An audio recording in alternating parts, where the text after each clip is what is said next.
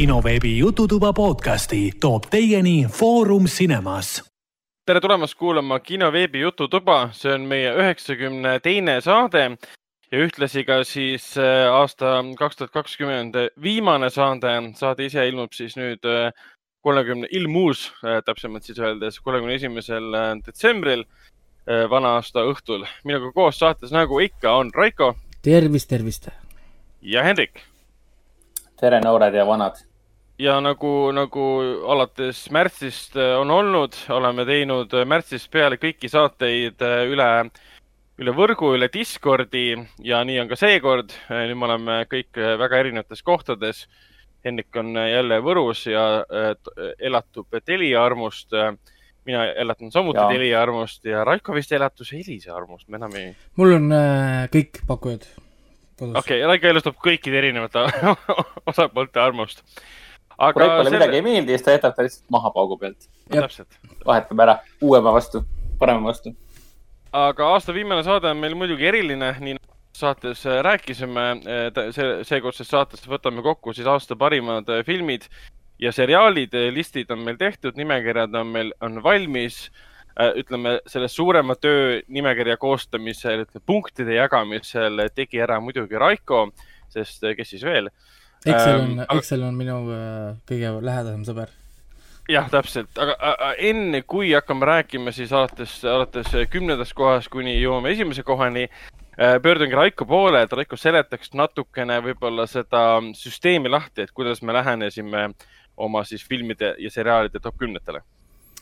Äh, põhimõtteliselt ma siis tegin seda nii-öelda äh, nagu teevad Oscarid, nagu teevad Kuldsed gloobus, no põhimõtteliselt kõik suured auhinnashow'd teevad, nad lasevad siis žüriil või siis liikmetel, noh, nendel on muidugi tuhandeid liikmeid koostada oma nimekirjad, siis parimad. Äh, me ei tea, kui palju nad panevad sinna, aga me tegime top kakskümmend siis igaüks. ja okay., ja kõik top kakskümmend, kõik saavad punkte ja kuna matemaatiliselt on lihtne teha siis kolme süsteemis, ma andsin siis igale e-, kohale kolm punkti rohkem kui eelmisele. ehk siis kuuskümmend, viiskümmend seitse, viiskümmend äh, neli, viiskümmend üks ja nii edasi, kuni äh, alla siis välja. viimane koht sai siis kolm punkti. ja ongi kõik, panin lihtsalt listid kokku ja, ja täpselt niimoodi need võitjad ka siis selguvad. ehk siis äh, võitjad ja filmid on alati need, kes on konstantselt tipus või konstantselt käivad läbi võimalikult paljude inimeste nimistustest, mitte need, kes on kuskil tippude listis, tähendab listide tipus, tähendab.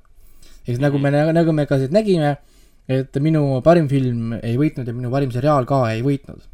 Sellepärast, et, et äh, nad ei olnud parimad teistel või siis üldse puudu, ehk siis niimoodi, niimoodi see käib paraku jah, ja see, see omakorda tähendab ka seda, et eh, top kümnes, eriti kui ma pean silmas nüüd seriaale ja muidugi ka filme, on neid filme ja seriaale, mille hulgas ütleme, me kõik ei ole neid näinud, ütleme nii.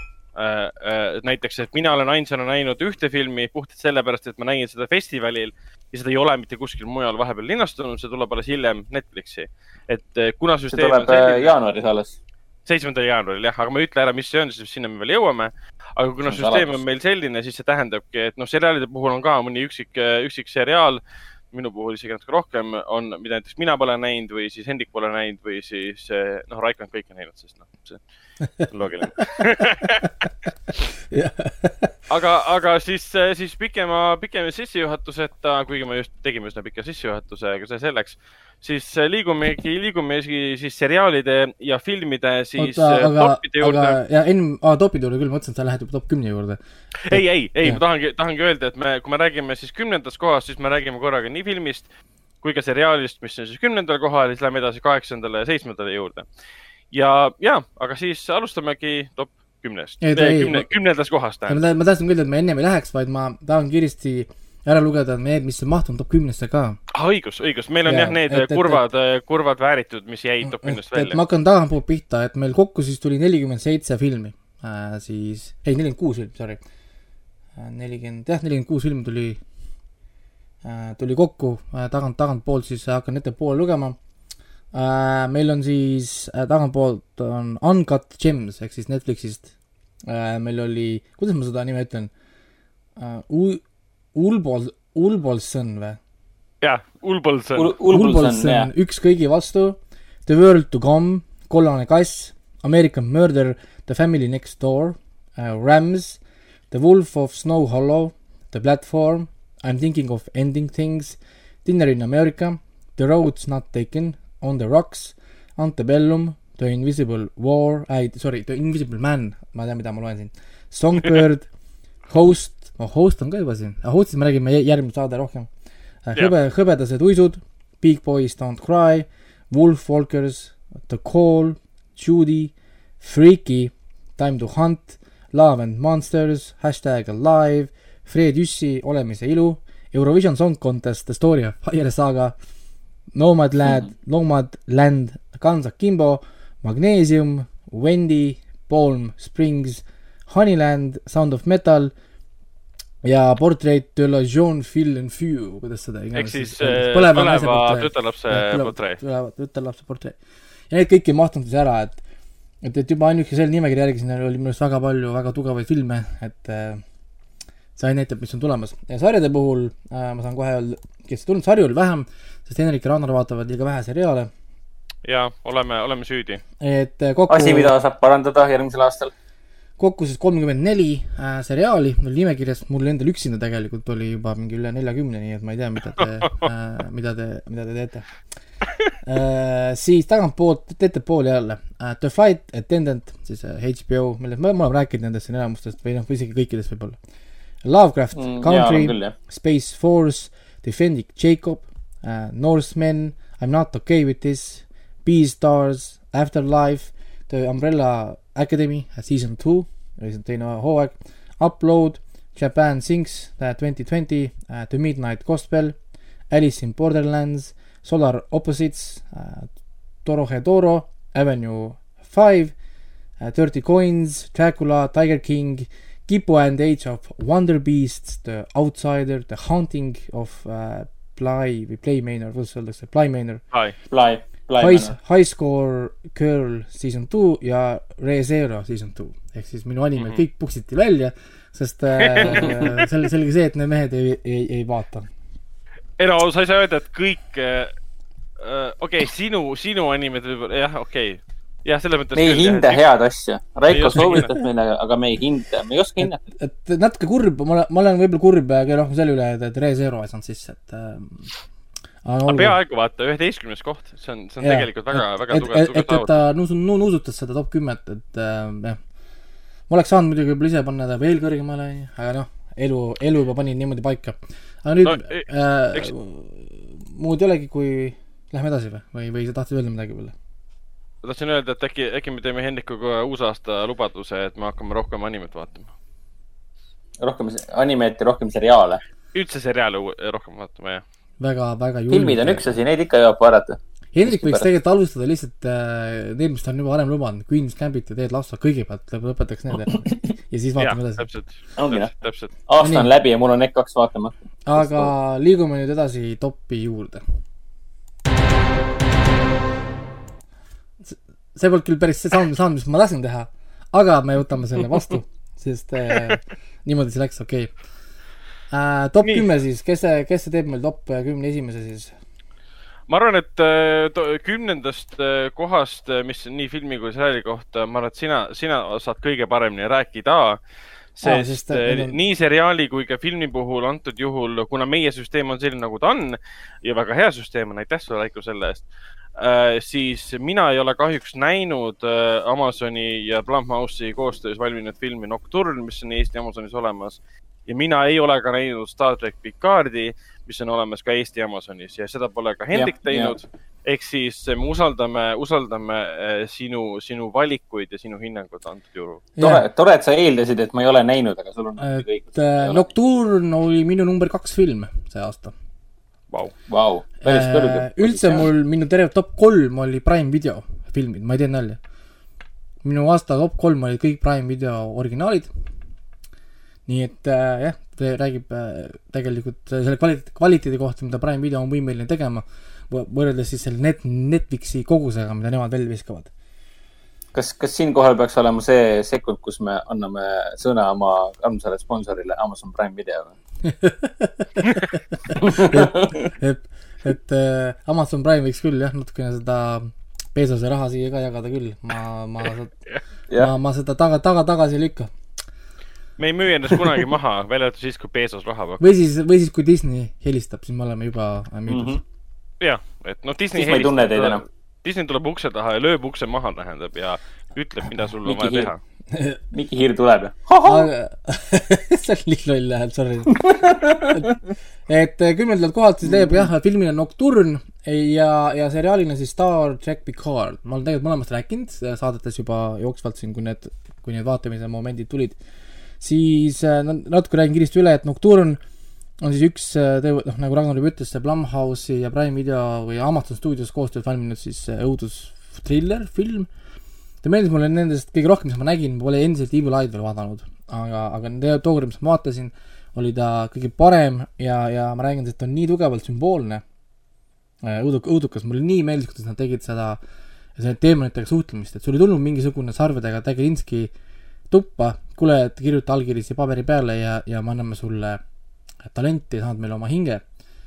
vaid, vaid see oli väga niisugune niisugune, niisugune veider läbi nägemuste, niisugust veidrate nähtuste suhtlemine, kus kohas siis, siis see tüdruk, see Juliet vist oli ta nimi, proovib ise siis nagu mõtestada nagu seda protsessi, kas ta on, kas ta, kuidas ta ennast nagu nii-öelda vahetab siis või, või, või, või müüb maha, et saada seda talenti, mis oli siis tema õel. noh, ja muidugi, muidugi see on niisugune crazy, seal on väga niisugust veidrat visuaali äh,, lugu pole selge absoluutselt, kuna ma ütlesin, siin on palju niisugust süm-, sümboleid ja, ja palju niisugust niisugust, niisugust nagu äh, visuaalset kõneviisi rohkem kui seda, mis, mida me saame nii-öelda nagu ku- kuulata ja, ja selgelt nagu aru saada, onju. et siin on kümneid ja kümneid videosid on Youtube'is, mis kõik seletavad selle filmi lõppu. Nocturne äh, Ending Explained, Nocturne Ending Explained ja ma vaatasin mõnda ja kõik minu arust eksivad kõik panevad mööda või? ja yeah, ma vaatasin mingi kolm või neli videot seda ära, ma parandasin sellega neid ka. minu kommentaarid saavad sealt sadu, tuhandeid likee, sest mina sain aru, mida see film tegelikult tahtis öelda. onju. et Nice. äh, väga nice. aga, aga arvestades tegelikult, kui keeruline see film on, siis äh, mingil määral võib öelda, et meil kõigil on õigus. nagu. Eriti selle filmi lõpu kohta ja see pole selline lõpp, nagu siin osad filmid teevad, et ah, viskame mingi lõpu ja siis inimesed mõtlevad välja. see on väga konkreetne lõpp, mis läheb kokku sellega, mida tegelikult film algusest peale meile rääkis. aga lihtsalt nüüd me peame ise saama aru, mis on mis, ma ei, ma ei saa spoil ida, nagu, et me peame ise saama aru sellest, mis on mis ja ja, ja, ja, ja, ja kuidas see hinge müümine tegelikult välja näeb. mulle nii meeldis see osa, et nad, et nad, et nad nagu näitasid seda hinda, mida sa pead maksma, kui sa tahad müüa oma, oma, oma hinge maha või noh, nagu ütleme, et kui, kui, mida see tegelikult maksab. siis äh, Star track Picard, see oli vist üks nendest, millest ma rääkisin suht alguses, kui me veel olime seal äh, stuudios. enne oh jah, ennem neid kui aegu. tuli koroona, enne koroona aega, kes seda mäletab? see oli hoopis, see oli hoopis teine maailm. siis äh, kusjuures ma alles hiljuti vaatasin paar osa lihtsalt uuesti. Lihtsalt äh, niisama äh, niuke lappasin, tuli korra isu ja, ja vaatasin ära uuesti esimese episoodi ja viimase episoodi. ja lihtsalt nii-öelda nagu näha, kuidas see nagu liikus ja ta on ikka nii puhas Star track, kui Star track seda on olnud. Need kõik, kes kiruvad, et see viimane episood oli aja raiskamine, ainult sissejuhatus järgmise hooaja jaoks bla,, blablabla, mul on, minu küsimus on, et aga mis siis on No. las ta juhatab sisse järgmist hoo- hooaega, mis, mis, mis sellest, miks see siis nagu halb on? Ma tõmbasin, mida sa ootasid sealt lõpus siis nagu? et äh, igal juhul üks, üks paremaid Star tracki seriaale, mis on üldse tehtud, nagu üldse tehtud. onju, ta pole küll jah, ta pole, jah, et, et ta ta pole nii suur, noh, ta pole nii tugev kui ütleme, originaalne Star track või siis Star track Next Generation. aga mina ütleks, et ta on parem kui näiteks Deep Space Nine või, või, või isegi Voyager on ju, või, või ühesõnaga siin on veel neid, millest ta on täitsa nagu parem. ja, ja selle, ja muidugi ta on parem kui Star track Discovery. et, et seda polnud siin, seda polnud isegi listides, sellepärast et äh, kolmas hooaeg oli tugev, onju, nagu ma ütlesin tookord, aga arvestades, kuidas kui, kui, kui kuidas see woke system surub meile teatud asju, mis siis Star tracki ei sobi, siis, siis äh, sellepärast on üldse, üldises mõttes tegelikult kaotab nagu väga-väga palju Star track Picardile. ei jõua teist hooaega ära vaadata, aga, aga noh, eks ta enam ei ole, enam ei ole kaugel, enam ei ole kaugel, isegi mingi no aga ma arvan, et minu üks uusaasta lubadustest kindlasti see, et ma võtaks esimese asjana Picardi ja selle uue Star tracki Netflixis ette kindlasti. selles mõttes küll, et vaata tahaks ennast sinna tagasi sellesse lainesse et Star track Discovery on eraldiseisev, siis Star track Picard äh, seisab küll eraldi, aga võiks teada ikkagist neid näiteks Deep Space, ongi see Deep Space Nine võiks teada, Next Generation võiks teada, sa võiksid teada mm -hmm. noh äh,, Voyager, see sinu karakterid, kes tulevad Voyagerist, sa kaotad võib-olla veitsa seda impact'i, kui need karakterid ekraani peal tulevad, sa ei, et, et noh, sa ei taju seda momenti, oo, miks, miks see karakter siin on või noh, nagu seda niisugust seda vau, vau, vau-efekti, kui, kui sa ei tunne neid karaktereid. no tõenäoliselt ma võtan selle Star track Wiki ette ja, ja, ja vaatan, et mida ma pean teadma, et nautida Picardi ja siis ma loen neid lühikokkuvõtteid sealt. jah, sellepärast, et noh, Next Generation on seitse hooaega, ehk siis mingi kakskümmend viis episoodi per hooaeg, Voyager on üheksa hooaega vist oli. ja, ja mingi Deep Space Nine oli mingi viis või, või kuus hooaega, nii et good luck. sellega no- igas hooajas on kõik üle kahekümne episoodi. ja, ja see oli vist aeg jah. ei no tänapäeval on lihtne, sa võtad Youtube'i lahti, paned sinna sisse mingi Picard, mis ma pean enne teadma, leiad mingi kümneminutilise video, mis teeb hästi kiire kokkuvõtte, see on korras What. do you need to know before watching Picard? mis vaatad seal viisteist minuti ja videot., ja, ja kuskil on olemas mingisugune video, mis sa saad. nii, aga liigume edasi äh, üheksanda koha peale, jah? Nüüd me igal juhul oleme fikseeritud selle sound'iga. oleme küll, sound on väga väga hea. ja väga head on, on filmid ja, ja seriaal, seriaal, mis jõudsid siis üheksandale kohale. miks ma ütlen filmid mitmuses on sellepärast, et üheksandat kohta jagab siis, jagab siis kaks filmi üks neist on Uncle Frank, mida endiselt mina pole näinud ja Hendrik ka mitte, mis on olemas Eesti Amazon Prime'is, aga mis, mis Raiko nägi ära ja on meil siin mitu saadet jutti seda ka taevani kiitnud. teine film, mis jagab siis üheksandat kohta, on siis Pieces of a Woman, mis äh, mina nägin seda siis nüüd septembri alguses, augusti lõpus, millal see Veneetsia filmifestival oli, Veneetsia filmifestivalil. see oli ka minu valik aasta filmiks, esimesele kohale pani ta täiesti film ise jõuab siis nüüd seitsmendal jaanuaril siis ka Netflixi ja, ja igatipidi äh, fantastiline film. ma saangi temast võib-olla pikemalt siis natuke rääkida, sest äh, keegi teine pole seda näinud ähm,. nüüd on vaikselt hakanud mingid arvustused tulema, sest äh, jaanuar, seitsmes jaanuar üsna varsti käes. kas ta ei olnud mitte kolmas jaanuar või, ta oli see reede ju, minu arust ta näitas mulle This Friday coming. ma pean seda üle kontrollima, ma võin eksida ka, aga täitsa jaanuari esimesed, esimese nädala sees ei ole kindlasti. Aga eks selle filmiga ongi see, ikka kiidavad või? esimesed, tähendab, eks see filmiga ongi see, et äh, kui Veneetsiatel linastus kõik arvustused kiitsid, mina kiitsin ka, mitte arvustuses küll, aga lihtsalt oma peas ja tuttavatele sõpradele. nüüd on olnud ilmunud. Guardianis ja kuskil mujal mingeid arvustusi, kus öel- öeldakse, et see on mingi tühi äh, äh, rasedus äh, draama ja mingi blablabla bla, käib. ja siis ma vaatan teiste inimeste arv arvamusi, kes ütlevad, et filmi algus on väga tugev, lõpp langeb ära ja kolmandad ütlevad, et fantastiline film otsast lõpuni, vist oli eurooplase isegi lavastatud. Shia LaBeouf mängib seal, kes on nüüd langenud jälle, kes on hi- hiljuti nüüd langes siis jälle soosi, soosingust välja tänu ähm, üks muusik ka- kaebas ta kohtusse vägivalla pärast. ma ei mäleta, kes see muusik enam oli, kunagi käisid koos. FK Twigs, üks väga tuntud muusik. Jah äh,, täpselt äh, ja, ja nüüd siis Netflix andis ka teada, et nad äh, äh, võtsid igalt poolt siis Shia LaBeoufi nime ka ära, võtsid nime ära sealt äh, Netflixist äh, endast äh, ma ei tea, kas see täpselt tõele vastas, aga neil oli kampaania, neil oli Oscari kampaania. ja Netflixil on eraldi, eraldi kampaanialeht on Oscari filmidele. sealt võtsid Shia LaBeoufi nime ära Shia. LaBeouf ära võetud, jah. enne nad tahtsid talle me, parima meespeaosa või siis meeskõrvalosa siis ähm, Oscarit nagu kam kampaaniaga raames äh, üritada saada, aga nüüd nad ko- kohanduvad, kohandasid kogu selle asja ainult Vanessa Kirby peale, kes siis mängib filmi peaosa. aga Lebov teeb fantastilise rolli, minu arust Lebov, ükskõik, mis tema elus ka toimub, mina jälgin seda, mis toimub ekraanil ja ta on fantastiline näitleja. tal, tal, see, see, see tüüp on kasvanud mingisugusest rollist no, no, no, no, no tüübist Michael Bay filmidest väga korralikuks karakternäitlejaks, kes produtseerib omaenda filme, teeb omaenda elu põhjal filme, teeb täiesti tavatut rolle, tavatuid filme, et väga-väga suur äh, selle aasta, kas vi- viimase kolme aasta jooksul eriti kui vaadata tema filme, Peanut Butter Falcon ja siis Honey Boy, mis ta on teinud ja siin oli veel American Honey mingi aeg tagasi. aga Ja- samas äh, Shia on siin ju, eriti pärast viimast süüdistust, see asi läks ju kohtusse. Aga jah, jah, täpselt. Shia ise on tunnistanud, et jah, ta on, ta on teinud oma elus ränki vigu seoses Kate Leaksiga ja ka teiste elukaaslastega., jah, ei, ei ta ongi. ta ei, ta ei varja seda, et tal on sügavad probleemid, nii, ma saan aru, nii sõltuvuse kui ka sügava depressiooniga. ja ta ise ütles ka hiljuti, et ta Ei, no- abi. me teame seda ja ta on rehab'is käinud ja alkoholiga siin maadelnud ja kõik videod on üleval, kuidas ta sõimab eriti rä- räigelt mustanahalist politseinikku äh, kartsas olles äh, ja pärast ütles ta, et ta näogi, mida suust välja ajas, sest ta lihtsalt oli kuskil blackout'is või midagi laadset. vähemalt No, see- vähemalt Shia on nagu aus tüüp, et kui tuleb süüdistus, ta ütleb mingi, jah, ma tean, ma olen värdjas olnud ma tahan ravile minna. aga jällegi see selleks, selle koha pealt roll on tal võimas. Business Womani võib-olla kõige huvitavam aspekt on see, millest ma ei taha üldse rääkida, sest ma tahan teie reaktsioone siis, kas see oli nüüd seitsmendal või kolmandal jaanuaril siis kuulda, kui te seda ära vaatate. seitsmes, seitsmes ikkagi.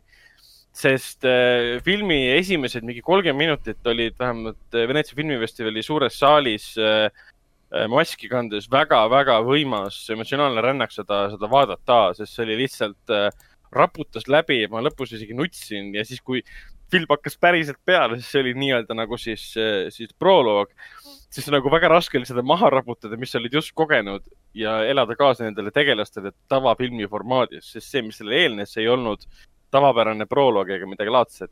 ja hiljem mulle öeldi, et selles, selle, selle alguse üks võlu oli, on ka üks element, mida ma ei taha nagu spoil ida. ma ei pannud üldse seda tähele ja see nagu tõstis seda filmi hinnangut minu silmis veel, veel kõrgemale.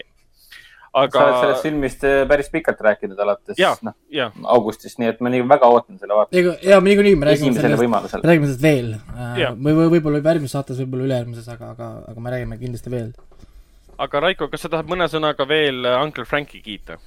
jah, minu aasta film oli siis Uncle Frank, üheksandale kohale ta siis maandus.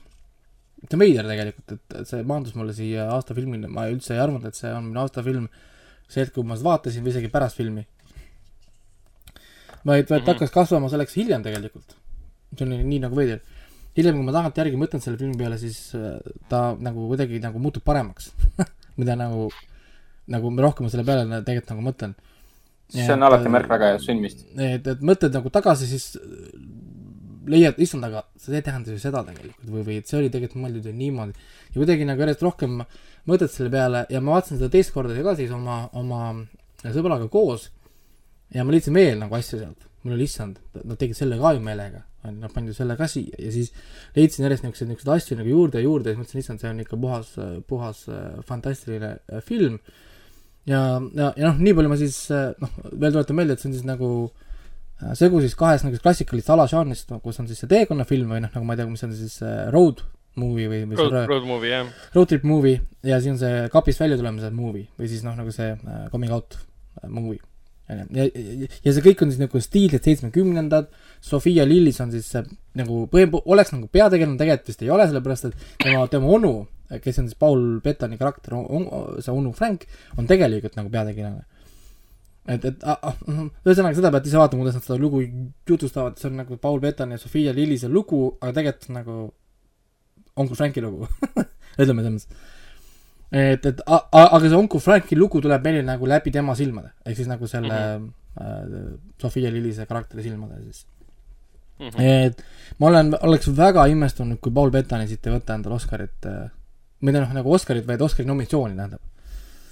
jah, eks see peaks ka varsti nüüd selguma, et äh, Oscari äh, suurimatest äh, soosingutest, kui räägitakse, siis ikka tuuakse välja Nomad, Nomadlandi, Nomaadimaad, mis, mis meil tuleb, pidi jaanuaris tulema, aga nüüd lükkus äkki edasi või veebruaris pidi tulema. et äh, üldse Oscaritest ei räägita praegu palju selle koha pealt, et mis on need filmid, mis kindlasti hakkavad korjama. aga kuskilt ma olen näinud küll, et Uncle Frank on läbi käinud ja sinu jutu peal tundub, et see on loomulik. ja peaks olema, me on, et ütleme noh, minu top kolmest näiteks äh, kindlasti ma eeldaks, et seal on ka Liis Ahmed, on ju, Sound of Metaliga ka. see ei mahtunud küll tahvlis top kümnesse, aga, aga ikkagist, et sammu, samuti jälle film, kus sa vaatad, imestad, et issand, et see film ei toimiks, kui, kui meil ei oleks siin Liis Ahmedi või, või noh, nagu üldse tema seda rolli Hmm. siis, siis siin on ka see Paul Bettani siin on üks, noh, üks teen, kus ma eeldan, et väga paljud inimesed tõenäoliselt nutavad. kus, kus, kus kohas äh, ma arvan, et Paul Bettani CV-sse võib selle panna kui tõesti palk, palka mind momendiks, et et äh, noh, vaadake see film nagu ära, ma ootan äh, teie mõtted ja, ja ideesid, ütleme, või noh, antud filmi kohta, ma tahaks väga näha ja kuulda, mida, mida te siis arvate antud filmist.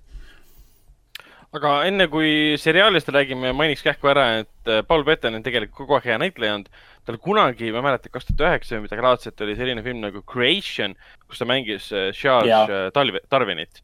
ja see oli väga tugev mm. -hmm. draama. ta otseselt vist ei rääkinud sellest uh, On the Creation of uh,, mis see algupärase, sa mõtled Big, Big Bangi või, või sa mõtled äh, maailma alal? Jaa, või sa äh, mõtled Theory of. Evolution, Theory of Evolution. Theory of Evolution kirjutamist uh, otseselt sellest ei rääkinud, aga ta rääkis tema isiklikust elust ja seal ma esimest korda vaatasin Paul Bettoni, vau, sa oled, sa oled äge ja see oli, ma mäletan, et see oli väga hea film, religiooni ja teaduse põrkumine. Ja siis Mm. põhiliselt sellest ka, kuidas ta oli oma tütre kaotanud ja kuidas ta väga igatses teda ja Paul No, Bettoni spoiler. hullult säras seal. jah Wow., aga liigume, liigume edasi seriaali juurde. üheksandal kohal on siis The Boys, mis on siis Erik Kripke loodud äh, seriaal, millest mina ja Hendrik oleme esimest hooaega näinud. mitte küll lõpuni, aga Raiko on ära vaadanud ka teise hooaja. mis nii palju, kui meie oleme sellest näinud, me oleme väga rahul olnud sellega. Jah, fantastiline seriaal. Täielik antitees, selline antidoot ja nii-öelda ideaalne vastus sellele, mis on superkangelaste maailmas toimunud nagu filmide kujul, seriaalide kujul. see oli väga õigel ajal õigesse kohta sattunud seriaal, jah, aga sellest oskab ka nagu Raiko eriti nüüd teise hooaja põhjal ähm, rohkem, rohkem kiita. jah, selles mõttes, et esimene hooaeg oli niisugune üllatusmoment oli päris suur. noh, me peame arvestama teatud nende üllatusmomentidega ka, vaata, ja, ja teine hooaeg on niisugune proovikivi alati niisugustel suurtel üllatajatel, nagu oli Stranger Things, nüüd on The Witcherit ootamas see asi ah, et, et, et kas sa, kas sa suudad äh, minna järgi sellele, mida sina meile pakkusid, kas sa suudad jätkata täpselt. seda, onju. siis Stranger Things suutis seda teha, mille pärast ongi ta nüüd nagu teab, kus ta on, onju. siis äh, The Boys suut-, suut-, suut-, suutis ka teha seda. onju, ma olin veitsa nagu mures, et, et kurat, kas nad ikka suudavad hoida seda nii hullumeelsena, kuhu nad saavad minna. Neil on juba nii palju ukse kinni. aga siis tuli Kripke, lõi jalaga seinad maha, et mis uksed, mehed, meil on siin äh, seinad äh, valla, me saame teha, mida, mida me tahame. Amazon Prime lubab meil teha, mida me tahame ja siis on see teise hooaja lõputseen, kus sa tõepoolest, ahah, tõepoolest Amazon lubab neil teha, mida nad tahavad, onju. et, et te, te, te hetkel tea, millest ma räägin, aga kui te jõuate sinna stseeni, siis, siis te, siis teil on see, et issand, tõepoolest Prime, Amazon Prime oli õige koht, kus kohas seda stuff'i teha, sest ma ei usu, et keegi teine lubaks seda eetrisse lasta. ja Ei, ei, sellest seda ei teeks, jah. ja, ja, ja, ja see on äh,, Youtube'is on neil ka selline äh, featurette, kus kohas Erik Ripke tegelikult räägib, et algselt noh, nagu featurette'i ajal ta räägib, et Amazon Prime ei luba neil teha seda, mis ta tahab teha teise hooaja lõppu panna. aga hiljem, kui sa vaatad seda teist hooaega, see on seal lõpus. ehk siis selle featurette'i vahepeal nii palju muutus, et Erik Ripke suutis kas seda veenda või fännid või mingi asi suutis Amazon Prime'i veenda, et olgu, pane siis see sinna sarja lõppu et, et, et kes on näinud, see saab aru täpselt, millest ma räägin, et siin, siin ei ole ühtegi muud asja, millest siin saab olla ainult üks asi, millest ma räägin. ja, ja, ja, ja, ja noh, Karl Urban ja Anthony Starr äh, kui siis äh, Homelander ja Butcher on, on, on lihtsalt vapustav paar. iga kord, kui need, kumbki nendest on ekraani peal, sul garanteeritud meelelahutus lihtsalt. siin, siin ei ole võimalik, et sul on igav, Homelander on igav, see on nonsense, sellist asja ei saa olla et, et meil nagu kaks karakterit, kes mõlemad on mingid sar-, sarmantsed sarimõrvarid, sest iga hetk kumbki neist võib sind ära tappa. ja, ja, ja, ja sa vaatad seda mõlemat hooaega, ootad seda momenti, millal Homelander lihtsalt plahvatab ja kõik, kõik, kõik ära, kõik ära tapab lihtsalt. see on huvitav selle koha pealt, et, et Zack Snyder tegi oma, oma filmidega Supermani igavaks karakteri mõttes. ja, ja siis tuleb Erik Ripke, võtab, võtab koomiksi või siis graafilise novelli kätte ja paneb sellele, sellele tegelasele Anthony Starri näo ja kes põhimõtteliselt ongi Superman ja muudab ta niivõrd huvitavaks, olgugi et mõrvalikuks hulluks, aga väga huvitavaks. ta on ikka, ta on ikka korralik psühhopaat ja täiesti, täiesti segane. et, et aga ei, vaadake edasi, see läheb ähm, pööraseks, seal toimub nii palju, nii Vaatan, palju vaatan. asju, mida on raske lihtsalt sõnadega edasi anda. Te vahepeal naerate niimoodi, et te ei saa naerda pidama, sest see on lihtsalt uskumatu, kui, kui idiootsed asjad on välja mõtlenud, aga saame öelda, see kõik toimib, see on lihtsalt nii, nii kihvt, kõik karakterid on tegelikult seal nii, nii kihvtid ja, ja ma ei tea, ma ootan kolmandat hooaega juba ammu, ma olen nii pettunud, et see on lühikene. sellepärast tahaks neile vastu pead anda, et, et kuulge, kakskümmend episoodi hooaeg, mehed. nagu, et, et äh, unustage see kaheksa ära. et äh, antud juhul küll tahaks, et oleks pikem, et väga niisugune tobe ootamine jälle, et aga no jaa, eks ta praegu on, äh, praegu seda pole mitte kuskil vist enam, et ühes äh, seriaalis, kus oleks tunnised episoodid või alla tunni natukene, oleks kakskümmend, kakskümmend episoodi. no praegu kõige pikem, mis ma tean, ongi Star track Discovery, mis on kuusteist episoodi per hooaeg. aa, Ja- see on ja. umbes nii nagu vanasti juba. ja, ja kõik on pikad, täispikad Jah., pikad episoodid. mul ei tule ka meelde ükski seriaal, mis ma see aasta vaatasin. et oleks olnud nagu vähegi üle kümne isegi. ongi kaheksa, kümme, kaksteist on mõni äh, niisuguse väga mm, -hmm. väga erandiga, aga niisugust äh, hooaega me enam ei saa jah, kahjuks. aga jaa, ta on Prime videos olemas, Prime video jälle äh, nimekirjas äh,. Nad ei tooda küll nii palju kui Netflix, kas keegi toodab nii palju kui Netflix, on ju äh, Jah.. aga, aga selle eest, mis nad teevad, on nad nagu sarnased nagu Apple TV-le ja Hulule siis äh, väga kvaliteetne, ehk siis nad valivad, mida nad teevad ja tahavad seda teha hästi. nii äh,, aeg äh, vist äh, liikuda edasi, kui, kui keegi mm, -hmm. keegi tahab midagi muud siia lisada. ei, ma arvan, et äh, võime edasi liikuda, liikuda rahulikult äh, kaheksandale kohale. See, see muusika me meenutab mulle, meenutab mulle mingit äh, pisikest snippetit äh, äh, Terminaatori põhimuusikast. aga see on tore, see sobib siia ähm,. kaheksandale kohale filmidest jõudis siis ähm, kallid seltsimehed äh, Dear Comrades äh,, mis nüüd enne, kui siin Harjumaal äh, kinod äh, kinni pandi, alustas ka siis äh, kinos Artis. ta oli ka Foorum Cinemas kinodes, kui ma ei eksi. jaa, oli jah, küll. täpselt. see on siis Andrei, Andrei Konsalovski uus film. mees, kelle filmidest ja töödest me oleme siin saates küll palju rääkinud. aga mm, kuidas nüüd öelda, Kallid seltsimehed on, on vä- väga vastik film, samas ta on väga autentne film, et ta on, ta on filmitud kui need vanad nõukogudeaegsed ähm, Moss-filmi filmid neli kolmele, mis on siis kuvasuhtes ja, ja mustvalge pilt ja ta näeb välja nagu oleks reaalselt kaamera võetud ja mindud äh, kuskile Venemaa piirkonda tänavatele ja majade vahel lihtsalt filmima. ja ta on kohati üsna dokumentaalne ka, ta meenutab seda Sergei Loznitsat natukene, kes siin Natuke paar aastat tagasi Ta- tegi selle Donbassi teemalise filmi, mis oligi nagu dokumentaalfilm, aga ei olnud seda tegelikult. jah, et kui, kui Losnitsa puhul rääkida, Losnitsa teeb hästi sellist äh, mürgist ähm, satiiri kohati või, või pa- paro-, paro-, parodeerib kuidagi hästi mürgiselt, siis ähm, no sihuke absurdi, absurdi satiir kohati. jah, siis Kontsalovski seda ei tee, et see antud juhul see film on piisavalt äh, absurdsest ajast, et see absurdsus, mis nõukogude ajal valitses, mis puudutas toidupuudust ja, ja raha vähesust ja palkade vähendamist ja kuidas kogu see kommunistlik süsteem töötas, et see on piisavalt absurdne, et seda ei pea omakorda veel absurdsemaks muuta, et see, mis ekraanilt vastu vaatab, kohati jääb mulje, et inimesed, kuidas on võimalik, et selline süsteem üldse, üldse eksisteeris. Ja Kontsalovski ja, et seda ei peagi, seda filmi, Kontsalovski ei pidanudki seda teemat muutma üleliia satiiriks, sest ta juba ongi seda niikuinii. nojah, võtame kasvõi need, need äh, rajooni ähm, juhtide, ametnike suured koosolekud, kus nad arutavad inimeste elude üle, teadmata, mis nende eludes toimub, teadmata, mis nende peas toimub. siis nad on imestunud, aa, rahvas on tänavale tulnud, aa, me kuuleme rahvast juba, et nad istuvad nii kaua oma kitsates ruumides, joovad viina ja arutavad tähtsate asjade üle, et neil pole õrna aimugi, millega töölised tegelevad. ja siis on üllatunud, aa, töölised on meie akna juures, löövad aknad sisse. aga kuidas nad siia ja- jõudsid?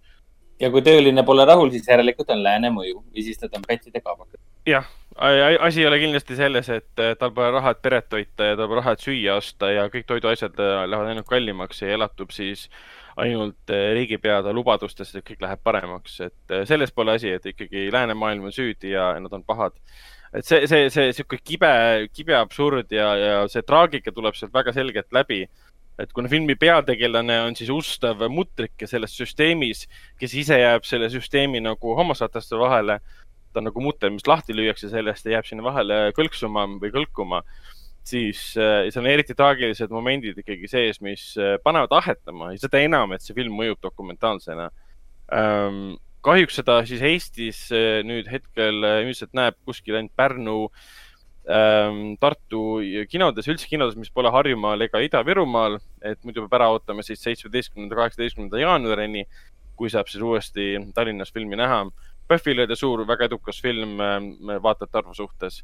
et ja, äh, see on väga väärt koht, kaheksas koht, väga väärt koht selle koha pealt. ja ma mainiks ka nii palju, et minu enda isiklikus edetabelis oli film täpselt samas kohas, hmm. kaheksandal kohal. No vot nii. nii et see on kindlasti üks selle aasta lemmikuid. üldse on väga raske reastada filme, mis jäävad alla viienda, top viie, kuna top viis on hästi tähtis nii-öelda, mis see järjestus on aga viies kümnendani on kuidagi sihuke tunne, et noh, no see pole enam tähtis, kus nad täpselt on, vähemalt minu isikliku topi jaoks, mitte kinoveebi jaoks. kinoveebi jaoks on kõik väga tähtis ja,. jah, jah, täpselt nii. aga seriaalidest jõudis siis kaheksandale kohale The Last Dance, mis muidugi on Raiko suur lemmik, lemmikseriaal ja, ja minu puhul ka mulle väga-väga meeldis see tegelikult. mina vaatasin seda siis siin esmase koroona kinnipaneku ajal teadmata mitte no, midagi yeah. Chicago Bullsist, teadmata mitte midagi. Raiko on, Raiko on see, kes teab kõike ja Ragnar on see, kes ei teadnud mitte sittagi. nii et iseenesest päris huvitav äh, vastandumine või noh, dünaamika aga see ongi selle, see ongi selle net-, ta on Netflixi seriaal, siis dokumentaalseriaal või tähendab, ta jõudis Netflixi hiljem, kui ta kuskil ESPN-is. ja see on, see on tegelikult ESPN-i nagu oma, aga Netflix maksis selle eest, põhimõtteliselt, ma saan aru et, et see, et ma midagi ei teadnud, ei muutunud mitte kuidagi asja minu jaoks arusaamatuks, see oli pigem äh, aitas mul nagu valgustada seda maailma ja pigem see annab nagu, nagu tunnistus ka selle seriaali nagu dramaatilisest nagu tugevusest või see, kuidas ta on dokumentaalseriaalina kokku pandud, et, et ma lihtsalt kümne küünega vaatasin ja väga-väga-väga põnev oli otsast lõpuni. aga kindlasti Raiko oli seda palju huvitavam.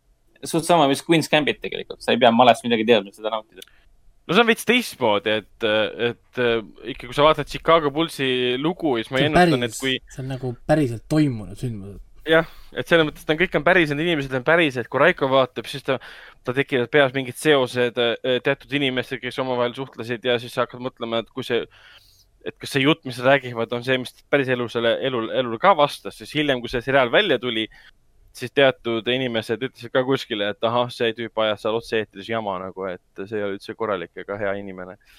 aga eks, eks ta on sensatsiooniline seriaal oli kindlasti.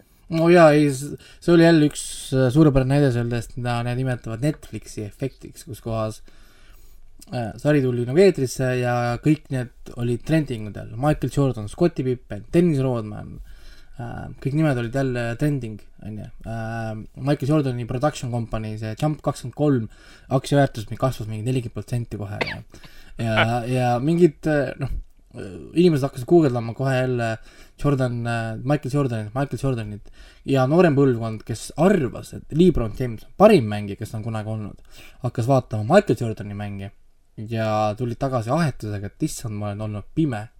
ma isegi ei tea, mis oli korvpall, on ju ja, ja, ja vaene Lebron James kukkus kohe väga palju ja, ja, ja, ja hakkas saama näiteks kohe palju, palju viha oma rolli eest siis Space Jam kaheks filmis. sest nüüd ta, nüüd ta on hale Michael Jordani koopia, kui ennem The Last Dance'i ta oli nii-öelda ainuõige pärija Michael Jordani äh, siis nagu niisugusele pärandile siis.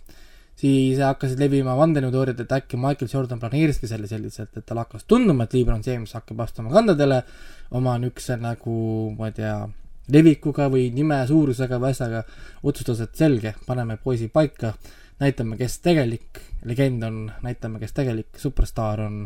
Ja seda ta ka tegi ja see toimis nii nagu, nagu väga hästi toimis. Ja Lebron James sõna otseses mõttes pühiti teemast ära, inimesed reaalsetes kommentaarides keset mängu ütlesid, et kakskümmend kaks aastat tagasi äh, toimunud sündmused korvpallis võtavad üle praegused superstaarid et, et no, äh, ja, ja, ja Lebron James isegi ühe korra mainis, tal on kopp ees vastamas Michael Jordani küsimustele, sest ta polnud, ta polnud vaevu, ta polnud isegi vaevalt, äh, ta oli nagu vaevu sündinud, kui Michael Jordan mängis neid mänge. Et, et äh, jah.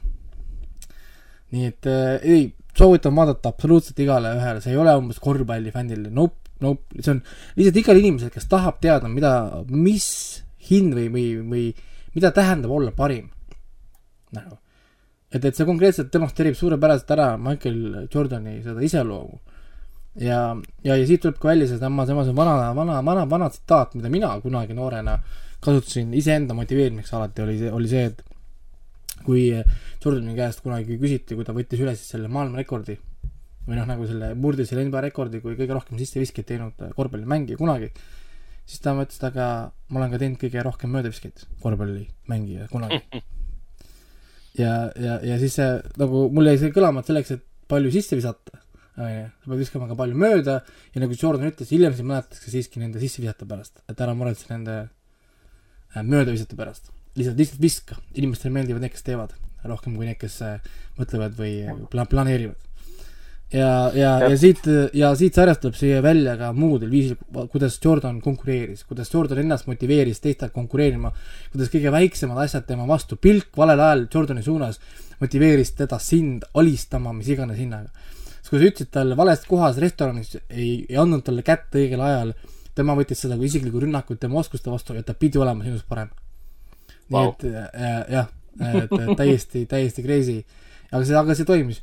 ja, ja kõik kommentaarid, no teised mängijad seal ütlesid ju, olid ju ka, et ära kunagi ütle Jordanile midagi halvasti, sest sa tead, et see lõpeb sinu jaoks halvasti aga, aga jah, mees oli kuus korda finaalis, võitis kuus finaali, kuus sõrmust sõrmes, mitte keegi teine pole sellist asja teha. nii et äh, tehke järgi. noh, me, minu jaoks on see ilmselt juba hilja seda järgi teha, et aga aga Hennikul on see võimalus veel. jah, mul on võimalus veel järgi teha.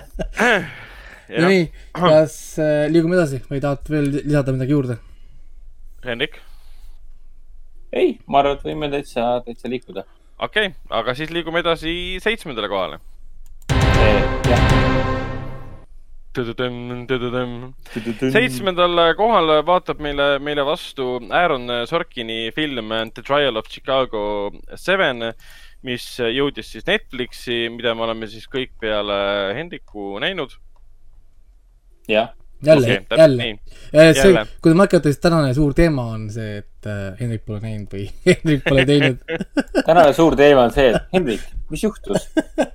mõtlen, vanasti oli palju lihtsam kinno minna, sul tuleb äh, David Fincheri uus film Mänk kinno, sul Aaron Sorkini uus film The Trial of Chicago Seven kinno, sa lähed esimesel päeval, day one seda vaatama.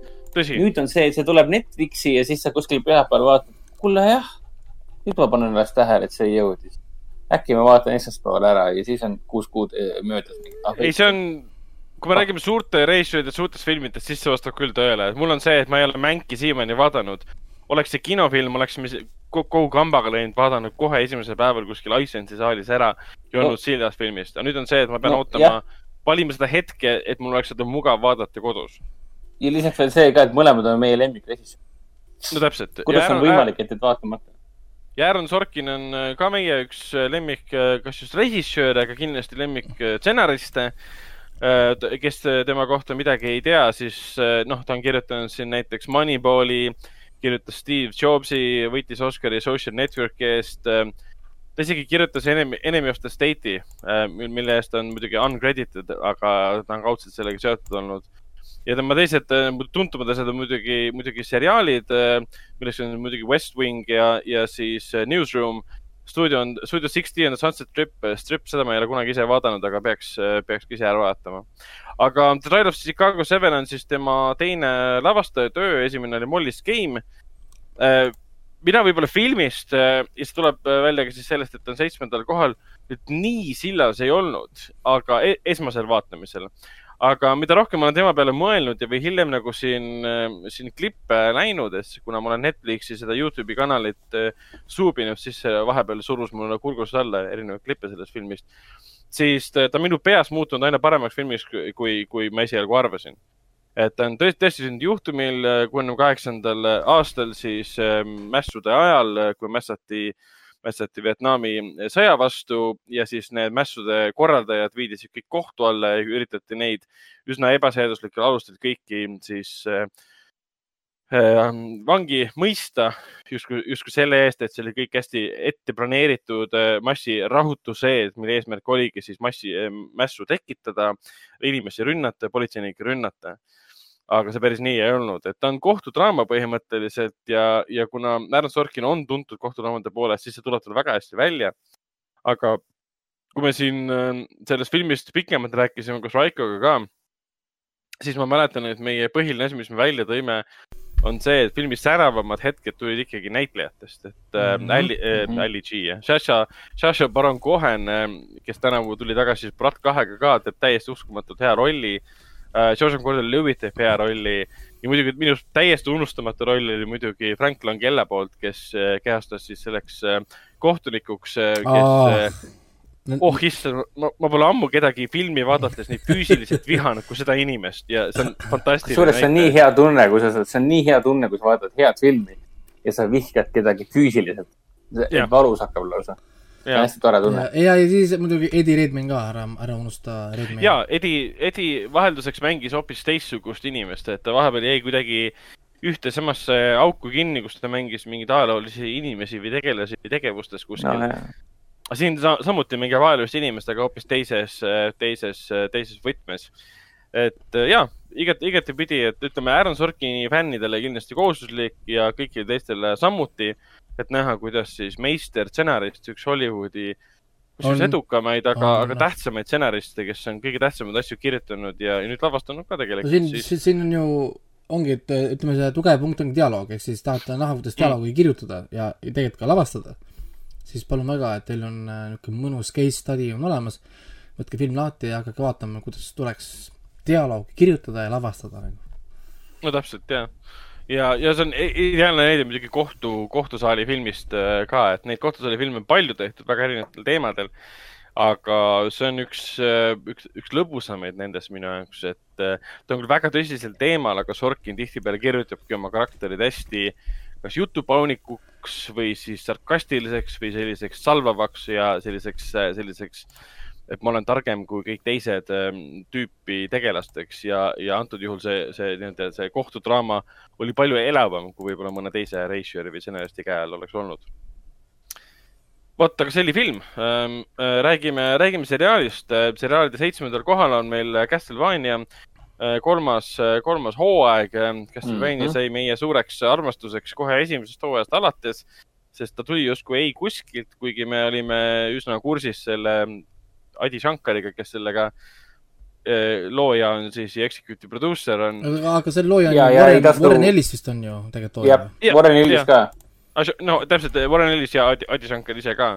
et siin on saavutatud mingi hea, hea kombo selle koha pealt, et võetakse äge niisugune ma räägin Andi Shankarist, siis fänni filmide või, või, või lühifilmide reisijal, kes armastab materjali ja ta suudab sellest välja pigistada väga kvaliteetse animaseriaali.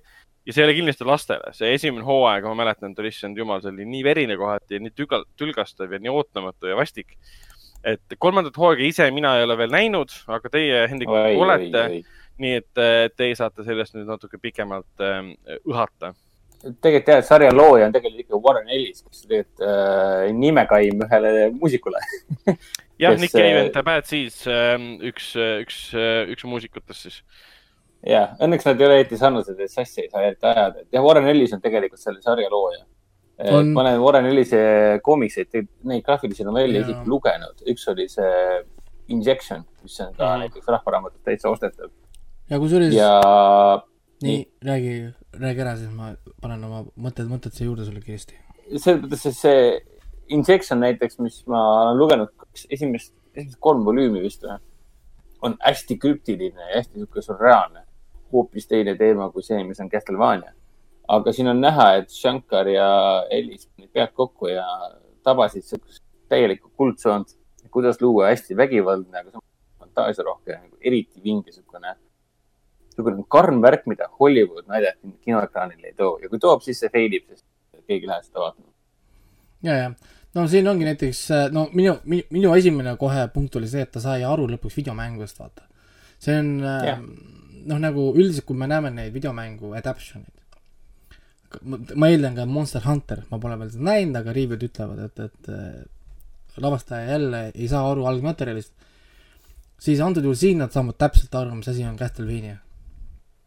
et, et neil ei ole nagu mitte mingit nagu niisugust äh, väärarusaama mitte millisest ja nad teavad täpselt, kuidas seda ekraanile tuua. mulle tohutult meeldib mm Mhm. -hmm. see, et nad on võtnud siis nagu hästi palju Castlevania loori. Nad on võtnud erinevaid ajaperioodi Castlevaniast, ma ei tea, kui palju te Castlevaniaga ise tuttavad olete. ja, ja nad on, nad on kõik miksinud ära. ehk siis nad loovad tegelikult meile uue loo, see on täitsa uus lugu, kes on mänginud Castlevania mänge. Te ei tea mitte midagi, mis siin toimub, te tunnete ära karakterid. Te saate aru kohad, kus nad on ja kõik asjad, aga kõik on uus, see on originaalne story. Nad lihtsalt võtsid kõik Castlevaniast, tegid uue asja. ehk siis nagu minu arust väga hea, sest kui ma oleks mängufänn, siis tegelikult kas ma tahan näha sama asja uuesti, ma ei tea.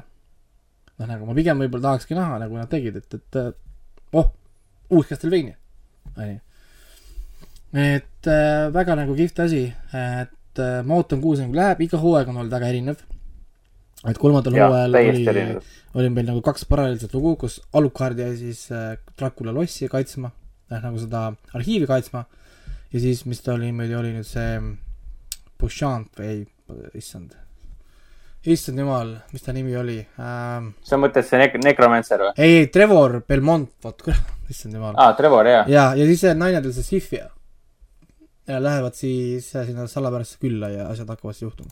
meil on niisugune kaks nagu lugu ja siis äh, taustal toimub siis see vam-, vam-, vampiiride armee kokkuajamine, et maksta kätte teisel hooajal toimunud sündmustest, aga kättemaks jõuab alles neljandal hooajal. nii et äh, jaa, mis oli väga vinge siukene, kuidas seda öelda, et noh, malemäng nii-öelda. et algul paneme sõdurid paika, nupud paika ja siis hakkame ründama nii-öelda. ma ei tea, kas see on hea, hea, hea paralleel või ma ei tea malest mitte midagi. kui sa oleks vaadanud Queen's Gambitit, sa tahaksid juba rohkem. siis ma oleksin midagi teadnud vähemalt, jah. aga kolmanda hooaega oli see huvitav asi, et esimene pool äh,, mul võttis aega, et kolmandasse hooaega nagu tagasi sisse saada või noh, sellesse Castlevaniasse tagasi sisse, sisse saada.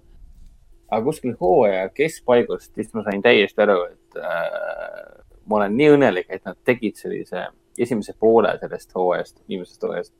Nad tegid nagu aeglasemalt, et rohkem mingeid kruttida, sest see payoff teises pooles on lihtsalt nii Crazy. metsik ja see on crazy ja see on hull. ja nagu nii tore oli näha, et sul on animatsioon ja kasutatakse animatsiooni nagu sada protsenti ära, kuidas luua täiesti võigast, tumedat fantaasiat. karp jääb lahti, mida te teete? Ragnar pole Mhm. näinud, aga lihtsalt see, mis Seal- viimased paari episoodi, see kõige hullem asi, mis toimus viimases osas. ja viimane on algusest lõpuni mingi ähm,.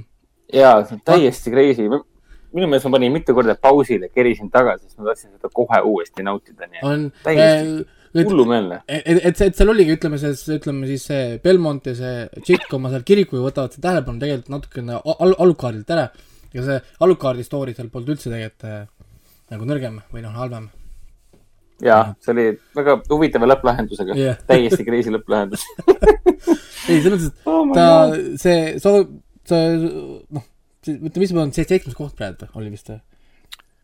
jaa, praegu on seitsmes koht. jah, et see on iga, igati, igati seda väärt, et täitsa vabalt võiks olla siin kõrgemal, aga lihtsalt eespool on veel hullemad. veel hullemad tegijad.. aga lihtsalt noh, ongi seesama mure, et äh, kaks kolmest on näinud. ehk siis väga raske on äh, niisugustes listides jõuda tippu, kui ainult kaks kolmest on näinud. peab olema kolm kolmest, et, et olla domineeriv jõud siin nimekirjas. väga piinlik Noh, Ragnar. Kui me oleksime teinud eh, nimekirja sellel alusel, et ainult filmid ja seriaalid, mis me oleme ühiselt näinud, siis see nimekiri oleks väga-väga teistsugune olnud ja võib-olla esindanud neid eh, filme, mida me üldse ei tahtnud näha top kümnes. Parimad väga- oleks siis mainimata jäänud jah, seda küll. ja, ja väga lühike oleks see võib-olla ka olnud. huvitav, ma ei teagi, kuidas tavapärase mm, animasõbra, sõbraga on, et või no üldse Netflixi vaatajaga, kas ta üldse adub endale, kui ta ei tea videomängudest, et kas, et Castlevania tegelikult on videomängu põhjal tehtud. ja kui siin Ähm. muidu räägitakse ju kogu aeg, et ah, järjekordne film on jumala halvasti õnnestunud, pole üldse see ja mis iganes veel, et räägitakse sellest needusest. et noh, ainuke hea film, mis on videomängu põhjal tehtud, on esimene Silent Hilli film. Seriaal- Mortal Combat ka, esimene Mortal Combat. no Jah. Mortal Combat ka muidugi, aga jah. jah, seriaalides Siis- sul on siis- õigus, et seriaalides seda ne- needust ei ole, sest noh, Witcheri, Witcheri eh, seriaal, okei okay,, see põhineb eh, rohkem raamatul kui mängul, aga ikkagi ma loen seda mängu ekraniseeringuna väga hästi õnnestunud, Castlevania väga hästi ja õnnestunud. Dragon's Dogma oli väga, väga, väga hea. no täpselt. jah, eks see saladus seitub, needuse saab murda väga lihtsalt. tee seriaaliks. sest sul on No nii palju materjali. suht loogiline ka, et sa tahad võtta ja, sa tahad võtta kuuskümmend tundi materjali, suruda poolteist tundi selle sisse sinna, et see noh, keeruline no. täpselt. ma hiljuti, hiljuti vaatasin esimest korda seda Warcrafti filmi. nagu, mis asi see oli? mis pagana teater see oli? lõpetage ära, noh. ma oleksin kogu filmist välja lõiganud kõik inimesed ja ainult orkid alles jätnud. see oleks mulle väga hästi sobinud. kogu film Durotannist ja tema naisest ja kuidas ta selle Kuldani vastu võitleb, see oleks väga hästi sobinud. mingeid, mingeid inimesi ja mingit lotterit poleks sinna kunagi vaja. see oli jah üks nendest filmidest, kus CGI-ga, motion capture'iga tehtud tegelased usutavam kui, kui reaalsed inimesed. nii, aga me peame No, peame kuulge, me peame, Väga. liikuma edasi, sest äh, Li- järgmised kohad nii. ootavad. täpselt, liigume edasi seitsmendale kohale. ei, kuuendale kohale. või tähendab kuuendale kohale, issand jumal, jah. nii, ja kuuendale kohal filmidest on siis äh, Guy Ritchie ähm, Gentlemanid äh, The Gentleman, mis alustas siis Eesti kinodes enne koroonat, see oli vist jaanuari lõpus, ma vaatan üle, kahekümne neljandal jaanuaril. mina olin sellest filmist äh, täiesti sillas. Guy Ritchie vahepeal ei ole teinud filme, mis oleks mulle väga korda läinud. Okei okay,, vahepeal ta tegi ühe filmi, mis pole korda läinud mulle, Aladdin, ma ei saanud aru, kas see oli Guy Ritchie lavastatud või kelle lavastatud, mulle tundus, et see oli mingi Disney hüpiknuku lavastatud. see polnud ka Rissiga midagi pistmist. no täpselt, aga Guy Ritchie vahepeal on teinud filme, mis pole armastatud, näiteks King Arthur, Legend of the Sword, mida ma nautisin kinos otsast lõpuni suurepärane film. Ja siis ta vahepeal on muidugi siin Rock n Rolla tegi, Sherlock Holmesid ja Sherlock Holmes ja Game of Shadows, aga mulle tundub, et Gentleman on täielikult see film, mida, mida ta tahtis teha puhtalt sellepärast, et tõestada oma fännidele, et ma olen endiselt see vana hea Guy Ritchie. et ma olen Nagu- endiselt Kai Ritsi. täpselt, et King Arturiga ja Aladiniga hakkas see nagu maine tal kaduma, et ta, ta ongi kadunud, läks sinna süsteemi üle ja siis tuleb Gentleman välja, mis on täpselt nagu sa vaataksid Rock n Rolla pluss Lock, Stock ähm, and Two Smoking Barrels pluss Snatch pluss Sherlock Holmes vaatas kõik koos, see kombo on pandud kokku. et ta oli küll ähm, tänapäeval leidis aset, aga noh, selle koha pealt ta on, ta on krimidraama, ta on krimi, action komöödia pigem siin draamat jah, ja ta on pigem niisugune aja, ajatu stiiliga ka tegelikult, täitsa täitsa meelega valitud selline, selline stiil filmil. jah, et ta, ta mõjubki täpselt, ta mõjub ajatuna ja ühelt poolt on, ühelt poolt on nagu, nagu öelda, maffia vahelisest ja maffiate vahelisest jagele, jagelemisest, kus siis Matthew McConaughey, Charlie Hunnam, Henry Golding, Jeremy Strong, Eddie Marson, Colin Farrell, Hugh Grant äh, äh, veavad kogu seda vankrit, aga, aga filmi suurim võib-olla võlu pigem seisneb selles, et äh, Guy Ritchie on teinud äh, omaette analüüsi omaenda filmidest ja üldse nagu äh, žanrist endast sest filmi väga tähtsal kohal on film, on stsenaarium yeah,, on lavastus. film ise. film algab sellega, et ta teadvustab, et sa vaatad filmi ja film lõpeb põhimõtteliselt väike spoiler siis äh, kuulajatele, kes ei ole filmi näinud, lõpeb ka sellega, et äh, kuidas tegelased, ütleme, meenutavad olukordi teisest vaatenurgast ja kuidas üks tegelane võtab ühe teatava stsenaariumi ja läheb kuskile stuudiosse sellega, on ka hea kokkuvõte, et Guy Ritchie vaatas, ma saan teha niisuguse low-key nagu sellise, sellise analüüsi, introspektiivse ülevaate omaenda filmidest ja mida fännid armastavad minu filmide juures. väga teadlik otsus oli see ja see on ülimalt lõbus film, ta on nii tore film, ta on naljakas Jah. film ja ta on nii, jah, kuidas nüüd öelda, hüplik selle, selle žanri osas ka, et ühelt poolt on nagu tõsine draama, mis puudutab suhteid tegelaste vahel, siis tuleb Hugh Grant vahele sinna, kes on lihtsalt nagu, kes sa oled. see on talle nagu loodud roll, kus ta on selline täiesti ühelt poolt paroodiahõnguline karakter, teiselt poolt on selline ideaalne Guy Ritchie karakter. siis sul on muidugi, muidugi siis ähm, Charlie Hunnam, kes on väga ala, alahinnatud näitleja minu arvates kes, kellel on üks parimaid stseene selles filmis on see, kus ta ajab eh, noori poisse taga, kes varastasid tema käest ühe kaamera ära No. telefoni ära. mobiili. tähendab, mitte ei varastanud, vaid ta tahtis mobiili kätte saada. täpselt, ajab neid taga ja siis ähvardab neid, see kõlab hästi halvasti, ähvardab neid automaatrelvaga. aga see oli nii badass, kui ta tegi seda, sest seal on mingid briti nolgid silla all kuskil, oh, ma annan sulle peksa, see on vana mees. ja siis see tüüp vaatab, Charlie Hanna vaatab neile otsa, ah, ma ei viitsi, tõmbab hõlma alt tohutu suure automaadi välja, laseb sellega õhku, kõik jooksevad minema selle peale. no nii, et, et aga me peame liikuma edasi, ehk siis äh, viimane, viimased laused filmi kohta, sest aeg Äh, aga mul, mul ei olegi otseselt midagi lisada peale selle, et äh, igati, ütleme aasta üks parimaid meelelahutusi kindlasti. ja ma lisaks ainult nii palju, et seda filmi peab nägema. fakt, punkt Jah.. aga seriaalidest on kuuendal kohal Ted Lasso, millest me oleme ka siin saates väga palju, väga palju rääkinud mida, mida me ei ole veel selle seriaali kohta öelnud, me ei teagi peale selle, et, et ah, me oleme seda infot juba jaganud ka, et teine hooaeg on filmimisel, kolmas on tulemas. ma isegi käisin Terevisioonis äh,, oli Terevisioon? Oli vist jah, see hommikul. Jaa, Televisioon. jah jah., Televisioon. hommikusaates käisin seda soovitamas ja pärast mulle sealt ühe inimesega rääkisin televisioonis, kes ütles ka, et ta vaatas ära, issand, kui hea see oli, aitäh soovituse eest. et ta on selline, selline koroona aasta jaoks ülimalt vajalik südamlik komöödia. Tegelikult aitäh Raikole, et vend seda vaatas, et ta soovitas seda siis televisioonis. äkki tahtis seda öelda. ja pigem, pigem tahtsin seda et, öelda. et, et see, et minu see, see, see seriaalide list pole hetkel küll kinoveebis veel avaldatud, kuid äh, ma seal, seal kirjutasin sellest ka, ma äh, enda listist jäi mul kolmandale kohale äh, kokkuvõttes, aga, aga ma tegelikult tahtsin korraks öelda, et mul oli seitsmendal kohal Rezero, kus äh, ma siis ki- kirjutasin sinna Rezero lõppu, ma korra siit loen, et äh, vaatab, kes julgeb, sest kui teed Lasso eesmärk on meie turu, tuju paremaks teha, siis Rezero teeb täpselt vastupidist. et ehk siis need on mingil määral nagu vastandid, kui Ted Lasso on niuke kaks tuhat kakskümmend niuke mõnus niuke hea tuju valgus, valguse, valguse kiir kuskilt, mis, mis paneb sind naerma vägisi lihtsalt, sa võid nii kaua suruda, et ma ei naera, ma ei, ma, ma ei, ma ei ole, mul ei lähe tuju heaks. Lõpuks sa kaotad sellele ja, ja, ja Ted Lasso võidab, võidab su üle, nagu enda poole. siis Zero on täpselt vastupidi sa lähed sinna hea tujuga vaatama seda, onju, jess, et ma nüüd äh, vaatan head animet ja siis äh, vaatan paar episoodi ära, siis issand jumal, elu on ikka nii pask. ja, ja, ja, ja meil, meil meil kui inimestel ei ole mitte mingit mõtet siin maa, maa, maamuni peal. et, et igale maitsele midagi erinevat ja tõesti, Ted Lasso kõigile üllatusena tõusis Apple TV plussi lipulaevaks. see on veider, sest algselt kõik arvasid võib-olla, et morning show on, on, on, Mhm. on, on, on, on see suur lipulaev, Jennifer Aniston ja Steve Carell onju. aga siis hakkas pihta, siis tuli see äh,, mis oli Mankind või? ei, For all mankind. jah, jah, For All Mankind hoopis tõusis sellest kõige popimaks sarjaks, mis kiiresti hakkas saama hoo-, hoo-, neid hooaegu ki- ki- kiidetud, noh nagu nii-öelda siis nagu heaks kiidetud. ja nüüd Mm. tuli Ted Lasso ja aasta lõpu listides on igal pool Ted Lasso. see oli täiesti veider, keegi ei oodanud, et mingi Jason Sudeikis, noh, tuleb. kes ei ole isegi väga- nüüd kõige parem. näitleja. no täpselt, jah. see ongi tema nagu särav, ülimalt särav roll tema poolt ka, et kui enne ei olnud veendunud, et, et on hea näitleja või mitte, siis see näitab, kui hea ta tegelikult olla võib. on ja, ja, ja noh, ma räägin, see karakter on lihtsalt nii meeldiv. Isegi kui kõik On. läheb halvasti, tal elus lihtsalt kukuvad asjad kokku, ta ei lõpeta ära oma positiivsust. ta teeb ikka oma, oma, oma koogikesi edasi, jagab oma sõdureid edasi ja, ja, ja sa lihtsalt oled lõpuks nagu tema selles haares siis kinni. nii et ma, ma ootan, ootan väga suure niisuguse entusiasmiga siis seda teist hooaega ja kolmandat hooaega, ma tahan näha, kuhu see sari nagu läheb.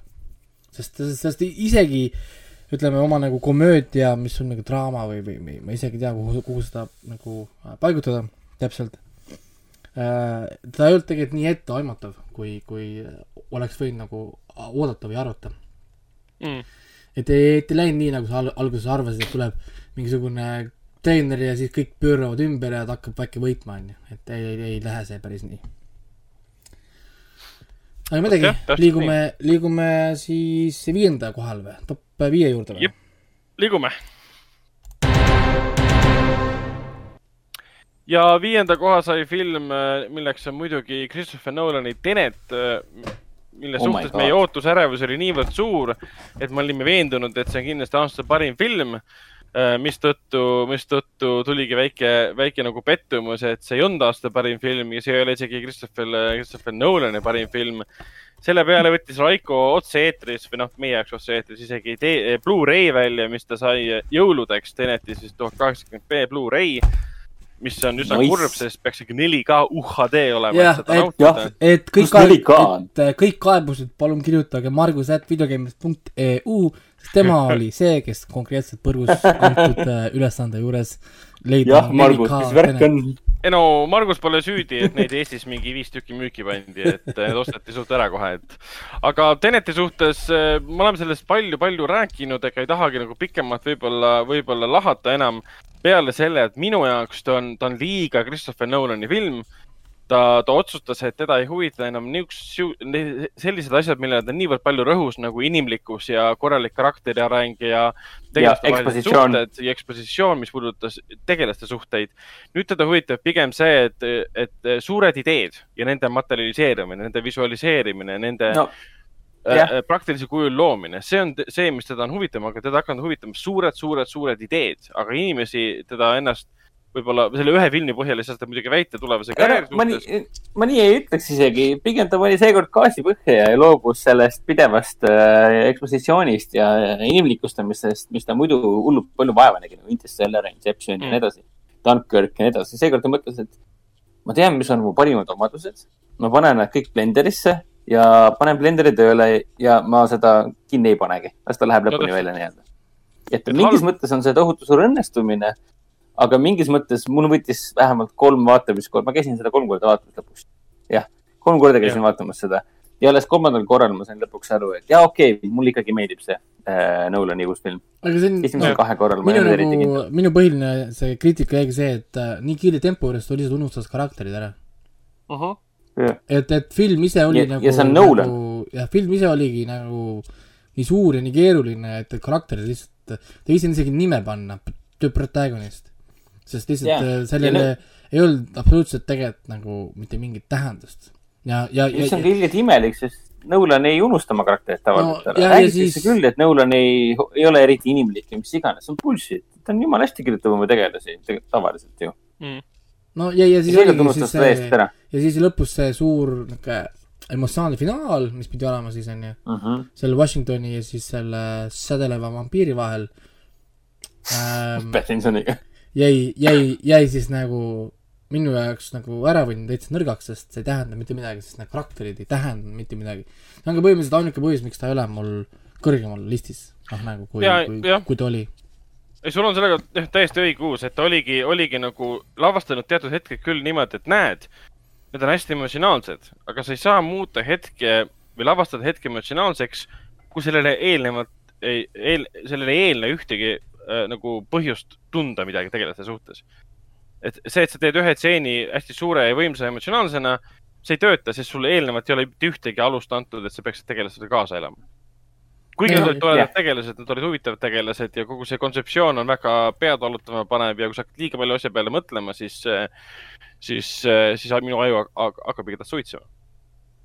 on ja ei, siin on neid neid visuaalseid stseene siin filmis, oh issand, see kaklemisstseen, kus No üks jaa. liigub edasi ajas, teine liigub ajas tagasi, see Laagna tee tagaajamistseen on ju Hollywoodis, ma arvan, ikka väga pikka aega veel te- teemaks ja võrdluseks, et siin on, siin on neid vap-, vau-momente palju, sellepärast film on ka viiendal kohal. aga, aga No lihtsalt natukene minu- jäi puudu, natukene jäi puudu. minu isik, minu isiklikus topis oli ta üheksandal kohal. vahepeal üldse kümnendal. aga selles mõttes, et see film, Tenet jääb ikkagi nagu landmark teoseks. eriti Ei, siin. Covidi ajal ja nii edasi. mida ta püüdis teha ja mida ta tegelikult väga ei saavutanudki. aga selle sõltumata, see on Nolani film ja nagu iga teine Nolani film, see jääb sulle meelde. nii, tõenäoliselt veel järgmised kümneks aastaks jääb meelde. ja aga võtame nüüd seriaali, võtame nüüd seriaali. tahtsin väga kavala ülemineku teha. aga mis veel äh, meelde jääb, on kindlasti Race by, by Wolves, selle aasta siis Telia HBO-s, HBO seriaal. Ridley Scotti ja tema poja Luke Scotti ja stsenarist Aaron äh, Kusikovski siis loodud äh, seriaal. ulmekas, väga veider, vastik, imelik, friiki, niisugune, niisugune, mis selle kohta veel öelda, neid inimest iseloomustavaid sõnu, ükskõik mis pähe tuleb. Science fiction, mis, mis nagu näitab, et ähm, kui, kui Ridley Scott, ütleme, paneb oma mõtte kuskile väga konkreetsesse kohta, siis sünnib sealt midagi väga-väga head. jah, kui ta teeb lihtsalt mingit tulnuka asja, panebki mõtted kokku, siis see ei ole väga hea. et ma kirjutasin selle kohta review ka kunagi mingi hetk ju ja siis ma panin selle ka, et, et äh, kuidas see oli, et sõnades on seda keeruline edasi anda, mis ekraanil toimub, kuid see on väga ilus ja kütkestav. No, jah, täpselt. täpselt. ja ta on, ta on nii üllatusi täis ja need näitlejad on suhteliselt tundmatud, välja arvatud siis ähm, noh, see. Travis Fimmel.. Travis. Fimmel, kes on. härra, härra Viiking. härra Viiking, jah. härra, härra Warcrafti näitleja. Aga no see seriaal, seriaal on perfektne kõigile ulmefännidele. see selles on mõttes, et täiesti puhas Eri- ulme lihtsalt. eri, eriti just neile esialgse tulnuka fännidele või need, need, kes fännavad Ridley Scotti ja mõtlevad, et miks ta tegi Prometheuse ja Alien Covenanti selliselt, nagu ta tegi. ja kui sa tahad näha paremat versiooni neist kahest filmist, siis selleks ongi Race by Wolves põhimõtteliselt mm.. välja arvatud filmi, selle seriaali viimane osa, mis on, mis on siiamaani nonsense. Nonii, aga nüüd liigume edasi järgmine koha peal, mis meil tuleb siis neljas koht või? neljas koht, jah mm. -hmm. ja neljanda koha saab äh, võib-olla selline film, mis enamus inimeste listides siin ei ole, eriti kui me vaatame siin ERR-i liste.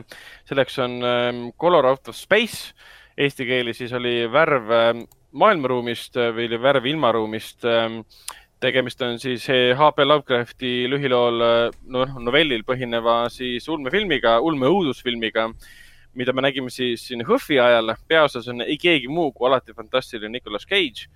ja ütleme nii, et see on äh, täielik, ütleme, see on loodudki Nicolas Cage'i jaoks. Nicolas Cage sündis siia Jah. ilma, et mängida siin filmis.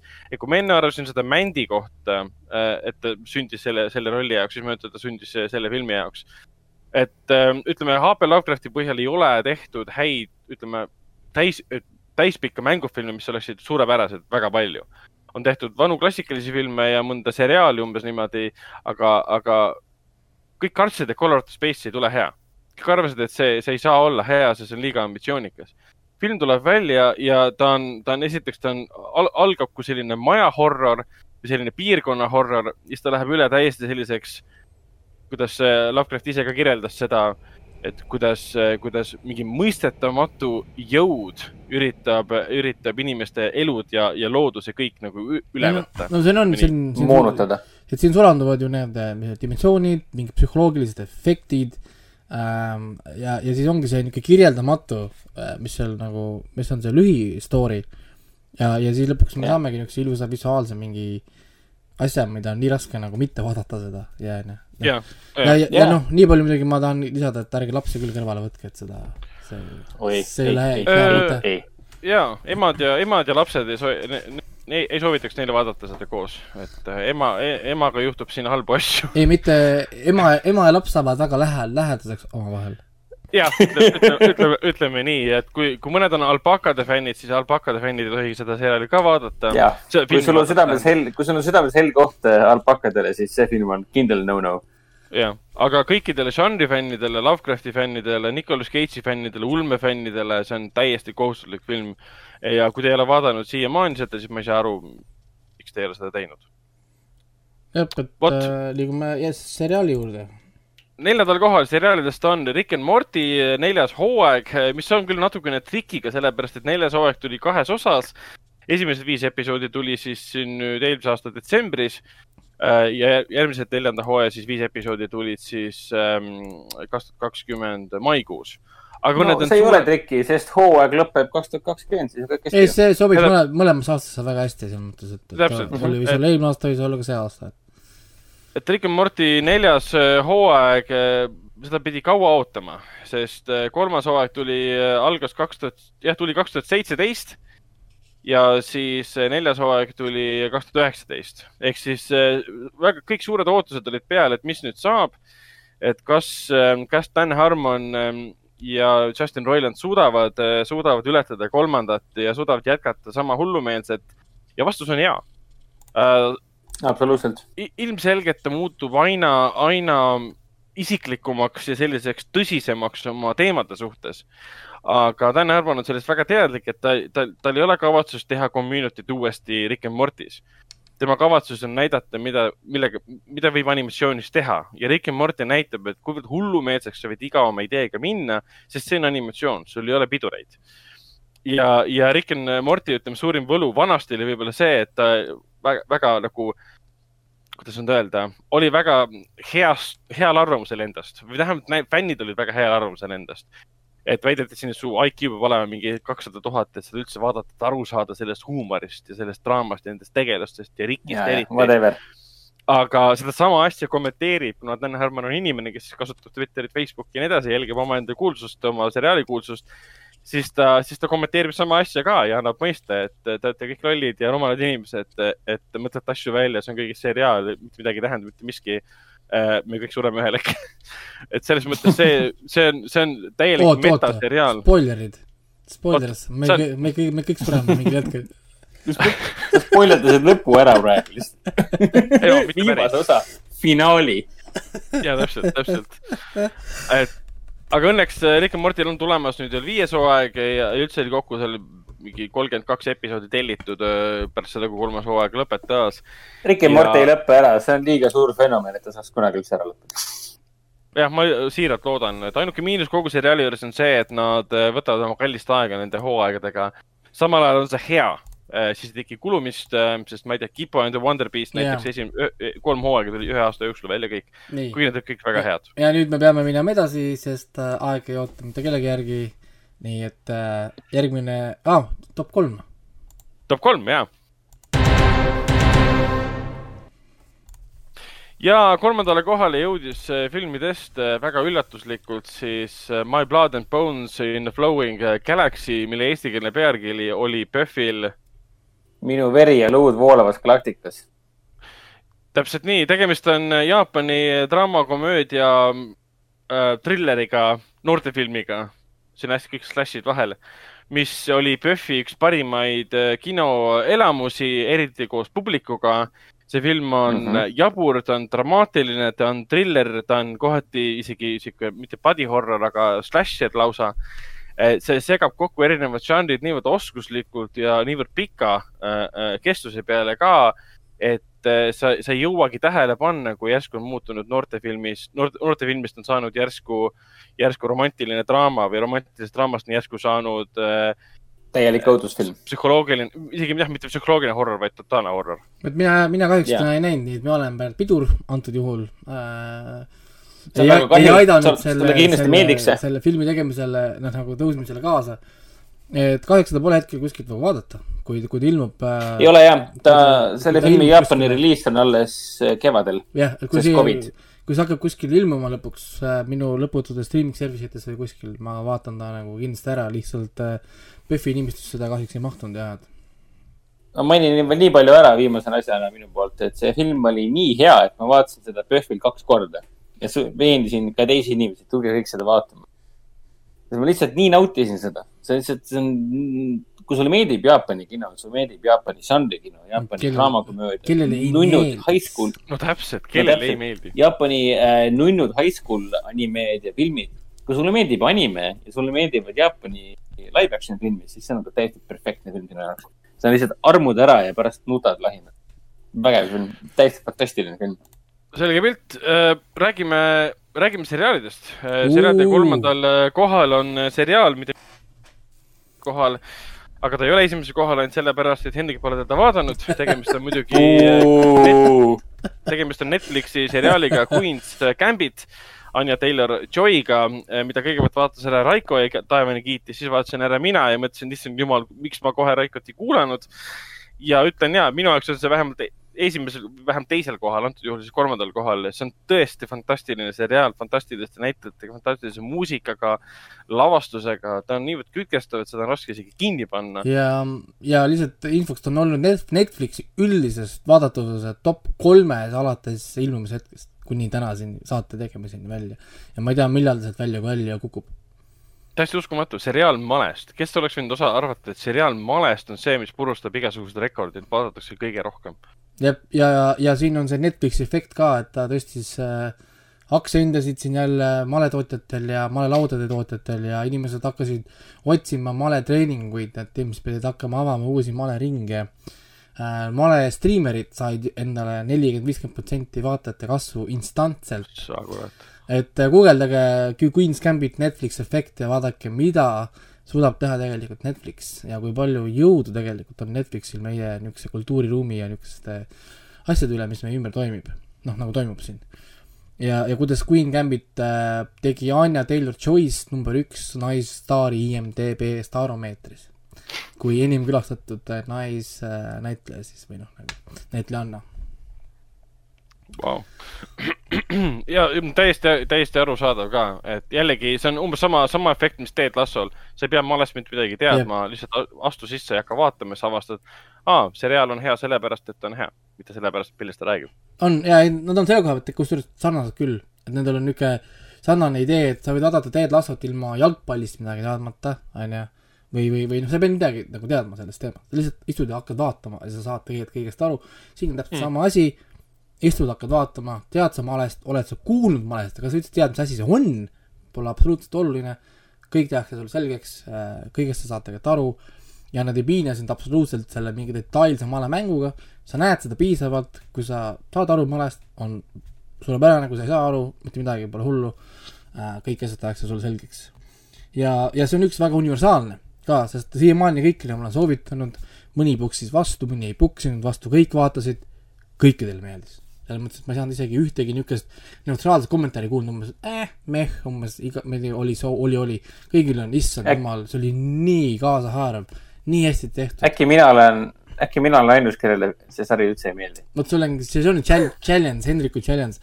ja, ja siis äh, viimane Net- Netflixi efekt, efekt oligi, et raamat ise, Queen's Gambit, tõusis number üks äh, ja oli see esimene raamat, mis äh, sai siis bestselleriks Ameerikas kolmkümmend viis aastat peale ilmumist. lol. väga lol. liigume edasi äh, top kahe juurde. jep. ja teine koht äh, läheb filmile, mis alustas Eesti kinodes teisel oktoobril ja jookseb Eesti kinodes siiamaani kuni siis äh, kinode kinnipanekuni vähemalt ta jooksis jah, Tallinna, Tallinna suurimates kinodes tegelikult, ka Tartus tegelikult, aga peamiselt ta nüüd jooksis Tallinna suurimates kinodes, enne kui, kui kõik kinni pandi. ja see on hämmastavalt, hämmastavalt äh, jätkusuutlik äh, film, tegemist on siis järg-, filmi nimeks on Järgmine ring, Another Round, Drukk. ta on siis äh, Taani film, tegemist on Toomas Vinterbergi uue filmiga. Vinterberg ise on muidugi Taani äh, kuulus, kuulus režissöör, olles siin lavastanud väga tõsiseid äh, draamasid, alustades, ma ei tea, Mads Mikkelseniga ta avastas The Hunti või ta on teinud siis äh, erinevaid äh, Hollywoodi ja siukseid Briti suur, suurfilme nagu näiteks Far From The Madding Crowd äh, Gary Mulliganiga näiteks ja Mattias Sorenetsi ja Michael Sheen'iga. siis ta on siin teinud muidugi Kurskis tegi ka filmi äh, The Command, mis ma ei mäleta No, see algupärane pealkiri, oli. aga eelkõige oli ta ju tuntud kui Dogma- Lars von Trieri omaaegsega, kes tegid väga kunstilisi filme nii-öelda. Täpselt nii, aga, aga hämmastav on see, et Erme Ring on väga nagu absurdse sisuga, et sul lihtsalt neli äh, kooliõpetajat otsustavad igapäevaselt natukene alkoholi juua, et oma elu äh, ilusamaks ja lõbusamaks muuta ja see neil ka õnnestub. muidugi on sellel kõigil ka varjupooled. jah, see on lihtsalt eksperiment, et mis siis oleks, kui me, meil oleks kindel, üks kindel promill kogu aeg sees. mis Jah. siis ikka juhtuda võiks? Aga see, see plott on piisavalt huvitav, sest sa, sa esiteks, ma ei usu, et väga paljud on lugenud sellist sünopsist ja, ja vaadanud, ma läheks seda filmi vaatama, et see on unikaalne sünopsis selle koha miks peal. sa ei peaks seda filmi vaatama minema, jumala lõbus sünopsis ju. ja pluss Mads Mikkelson joob selles filmis, see on okei okay,, ta, ta mängib selles filmis, siis ta joob vahepeal ka. ja, ja pluss, pluss tal olevat väidetavalt balleti, balletioskused kunagi, oskusi treeninud väidetavalt kunagi ja selles filmis ta neid siis ka rakendab. Ja see on väga elurõõmus film, ta on väga traagiline film, ta on väga kurb film, samas ta on väga, väga tore film ja ta on film sõprusest, ta on film sõltuvusest, ta on film elust. ja, ja koroona ajal oli see seda ongi, rohkem see vaja. on, see on film elus tegelikult. kahjuks mina pole näinud, te kiidate seda, ta on mul iTunesis isegi ostetud, see film. ma pole ikka vaadanud, kurat küll, Psycho puust. ma pole seda ikka veel vaadanud seda. Ma nagu kogun hoogu, et seda vaadata ja ma ei tea, miks ma pole seda vaadanud, ma ei, ma ei tea, miks. nii et äh, Marek- ma ei tea, ma ei tea ma ei tea, mul ei ole ühtegi vabandust ka, lihtsalt äh, nii on. ei, sa ei pea No, vabandama, meie pole samad palju sõnad, et näinud noh.. aga liigume edasi ähm, seriaalide juurde. teisel äh, kohal seriaalidest on siis äh, Lõuna-Korea mm, ajalooline seriaal ähm, Kingdom kuningriik, mille esimene hooaeg arm, pani meid armuma kogu sellesse kontseptsiooni, mis pole küll nii unikaalne, sest Lõuna-Koreas on veel tehtud ajaloolistel, ajaloolistel perioodidel kujutatud zombiapokalüpsiseid. aga Kingdom on nendest ilmselt äh, kõige õnnestunum ja selle teine hooaeg, mida mina ei ole küll näinud, olevat ka Jesus sama sama hea. aga Päriselt Hendrik Hendrik ja Raiko on näinud teist hooaega. püha armas Jeesus, Ragnar, mis ja ma toimub? tean, ma tean, ma tean. igal juhul Kingdom teine hooaeg tegi esimesele silmad ette, ma poleks, ma ei uskunud, et ta parem võiks olla, aga mul alles hiljaaegu, nüüd aasta lõpus tuli meelde, et see tuli sel aastal välja. vahepeal on see aasta nii, nii palju asju toimunud, et see, mul tuli alles nüüd meelde, et issand jumal, see sari oli see aasta. on ja, et äh, ta tuli nii vähe episoode, läks nii kiiresti ja, ja, ja mõnus cliffhanger ka. Mhm. niisugune, niisugune mõnus cliffhanger, et come on, sa ei lõpeta niimoodi ära praegu see sari, ära, ära hakka ongi noh. Aga, Aga- aga just nii peabki lõpetama. lõpp nüüd sootud, aga muidugi noh, nii palju me teame juba, et see kolmas hooaeg peaks tulema kevadel kaks tuhat kakskümmend üks, nii et me oleme tegelikult juba väga lähedal ähm, kolmandale hooajale enam pole palju minna.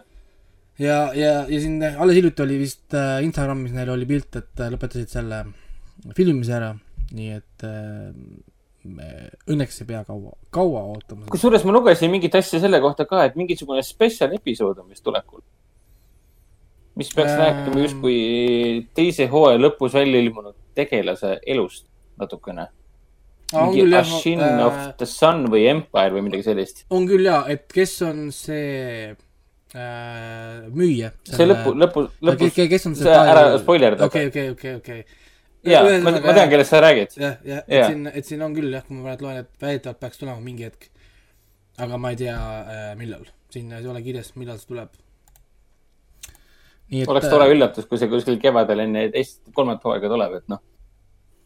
viimane sõna selle sarja kohta on see, et eh, kui sulle vanasti meeldisid zombid, aga nüüd ei meeldi, sest eh, Walking Dead, siis vaata Kingdomi esimesed kaks hooaega läbi, sest sa pole selliseid zombisid kunagi varem näinud ja sul tekib taaskord huvi selle vastu, mida tähendab zombi žanr. et et on korealased teavad, mis on hea ja teevad seda väga hästi. Täiesti ilus, aga nüüd äh,, mis meil tuleb? aasta parimad. aasta parim film ja seriaal. aasta top üks. aasta parimaks äh, filmiks äh, sai siis film. Wonder Woman tuhat üheksasada kaheksakümmend neli. ja üllatus, ahaa. Sai või? Ei saanudki või?? jaa, What the sul fuck on? õigus, Wonder Woman tuhat üheksasada kaheksakümmend neli on siis selle aasta Kuule, lõpeta ära. Parim Henri- film. Hendriku, Hendriku huumor ikka, jõhker. ei, tegelikult jõudis sinna, jõudis sinna siiski meie poolt PÖFFil nähtud Isa, The Father, mis äh, pidi nüüd jaanuaris äh, linastuma, aga nüüd kinod läksid kinni just sellel ajal, et ta li- linastub siis Eesti kinodes, või Harjumaa kinodes linastub siis nüüd pärast seitsmeteistkümnendat jaanuarit. ja see on ainult Tegemist- äh, hea uudis meile, sest me saame natukene marineerida seda kaks tuhat kakskümmend üks ja siis minna kohe nautima tõenäoliselt parima Oscari võitnud äh, mehe rolli sooritust. ja Jaa. kui, kui, kui isa ei too Anthony Hopkinsile ähm, järjekordset meespea osa, osa Oscari ähm, auhinda Kuldmehikest, siis ma ei tea, mille pärast need Oscarid üldse tehti. isa on lihtsalt äh, ühe korteri film, mis äh, räägib äh, dementsest, noh, isast, dementsusega võitlevast isast, kelleks on siis äh, antud juhul Anthony Hopkins, suhtes tema tütrega, kes on samas korteris. aga kuna isal on need probleemid, siis ta konstantselt pole kindel, kas ta üldse on omaenda korteris, kas see naine, kes on tema juures, on tema tütar, kas need abilised, kes seal käivad, on seal tema pärast või paha pärast ja see tekitab hästi siukse pinevat draama, isegi kohati põnevikku, kus see kunagi ei ole. Ja samas- ja samas ei ole ka mingisugune tubateater, see on hämmastav film sellest, hämmastav näide on see film sellest, kuidas on võimalik ühest korterist muuta, noh, kuidas on võimalik üks korter muuta tohutu suureks ruumiks Mm. See on- nii see on- ajas oma ru kui ruumis see liikuda. on, see on sellepärast, et see on selle autori Florian Serrel- Selleri samanimelise lavastuse põhjal tehtud. näidendi põhjal. jah, Jaa. siis oli ja, ja algselt, näidanud. algselt nagu noh, see lavastus. stsenaristika Oscar peaks ka minema sellele filmile. et siis nüüd toodi see noh, siia nagu üle ja sellepärast, kuna tal on seda dementsi, siis need karakterid, karakter jääb samaks, näitlejad muutuvad, ehk siis meie mm. -hmm. publikuna vaatame ka ju umbes, et issand, oota, see, mis asja, mis see nüüd on? või et kas see ruum oli enne ka niisugune või? Mhm. kas see on kogu aeg olnud selline, see ruum? ja siis tema enda lugu muutub, kuidas ta, tema enda elu või see karjäär on kogu aeg teistsugune, küll oli nii, küll oli teine, sa üritad saada aru, ehk siis meie oleme samamoodi dementsed nagu Anthony ise no täpselt, sest me hakkame ka kahtlema kõiges, milles kahtleb Anton Hopkinsi tegelane. ja täpselt, jah. no ja muidugi see on korralik pisara, pisarakiskuja ka, et kui kellelgi on On. isa, isad ja vanaisad veel elus, siis äh, on, on hea vaadata. mina läksin külma südamega vaatama, mind jättis see külmaks. tegelikult ei jätnud, aga, aga, aga ma, aga ma kujutan ette, et siin osad või inimesed võivad ikka mõnusalt tühjaks ennast lasta, et ei Mhm. kindlasti ja suur osa sellest on, on ka muidugi Anthony Hopkinsil, sest selle mehe iga ihukarv, iga, iga, iga nahapoor suudab, suudab näidelda. Ja ärgem unustagem ka, et- ärgem unustame ka, et filmi kõrvalosas on ju äh, The Favorite'iga, ma ei tea, tuhandete eestlaste lemmikuks saanud Olivia Colman ka tegelikult. Favorite oli väga populaarne film, sõltumata sellest, et tegemist oli põhimõtteliselt indie-filmiga nii-öelda. olgu, et seda levitas Fox Searchlight vist. ja, jah, täpselt nii. soosikuga jah, ta sai, sai meie soosingusse, võib nii öelda.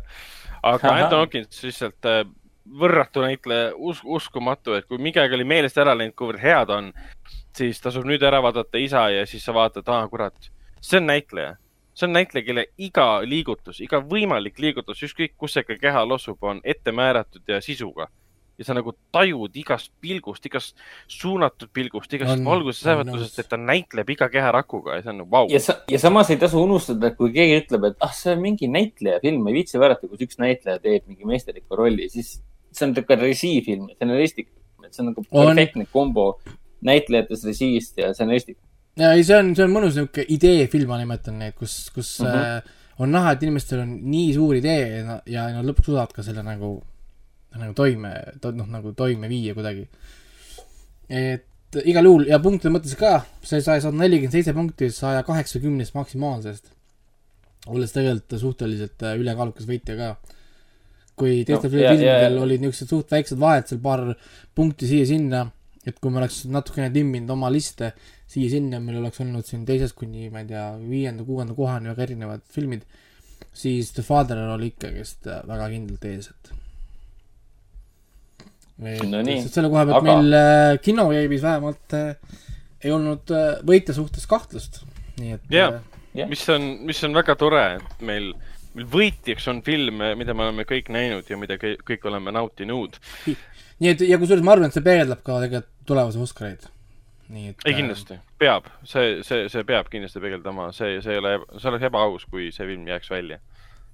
aga kas, kas see on üllatus, mis jõudis meie top ühte seriaalide hulgas? kusjuures on küll äh,. ma ütlen ausalt okay., et mina tegelikult eeldasin, et Queen's Gambit äh, võidab.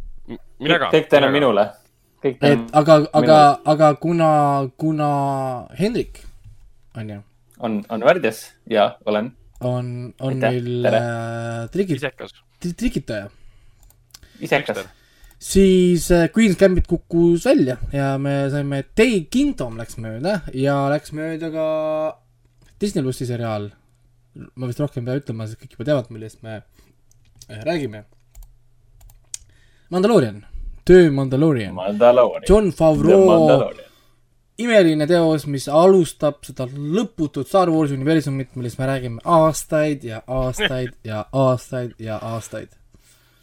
oh jumal Jeesus küll. ja, ja, ja kuna Raiko siin, siin nädalavahetusel näitas meile väga head analüüsi äh, video kujul sellest seriaalist ka, siis äh, Mandalorian ei tee tegelikult midagi uut. ta Ei võtab tee. kokku siin vesternid, parimad äh, palad, mis omakorda on võetud siin samurai filmide parimatest paladest. ta nagu oskuslikult õmbleb kokku parimad jupid parimatest žanritest, aga teeb seda Star Warsis ja, ja see lihtsalt töötab, sest Star Wars on omakorda ise ka niikuinii võtnud nendest. Star Wars saigi sellest alguse ja Mandalorian jätkab seda. Ehk siis nagu selles, nagu selles analüüsis oli, et Mandalorian on põhimõtteliselt eh, Yojimbo. jah jah, võib, võib ka nii öelda. aga, aga Mandaloriani võlu, võlu muidugi eh, minu jaoks peamiselt oli, oli seisnud selles, et ta muutis Star Warsi jälle huvitavaks. ja ma arvan, et väga Sama. paljude fännide jaoks on sama teema, et aa, Star Wars on jälle huvitav, et aa, Star Warsi võlu ei seisne Skywalkerites, et midagi muud on selles maailmas ka peale selle. olgugi, et nüüd tundub, et teekond on, läheb et ikkagi sinna suunda. ja, ja mitte ainult seda, vaid ta tõi uuesti ka kloonide sõja, tõi uuesti täpselt. Mhm. rambivalgusesse, üldse ta nagu ongi, ta äratas ellu selle universumi. et, et kõik olid juba nagu mingil määral alla andnud, võib-olla Star Warsi suhtes, et see, et see viimased mina filmid olid kõik, olid kõik nagu niisugused nagu meh, viimane tri- triloogia vedas alt. Viimane hea Star Warsi film oli Rogue One, näed minu jah jaoks., näiteks minu jaoks, minu jaoks ka, sest ja Star Warsi niisugune suurem, kõige suurem probleem minu jaoks on alati olnud, neil ei ole narratiivi. Neil on väga minimaalne lugu, nad keskenduvad ainult efektidele, action'ile, põhimõtteliselt olles nagu mingi kosmose action põhimõtteliselt. et, et kui sa üritad nagu story't rääkida, siis neil on väga minimaalne story.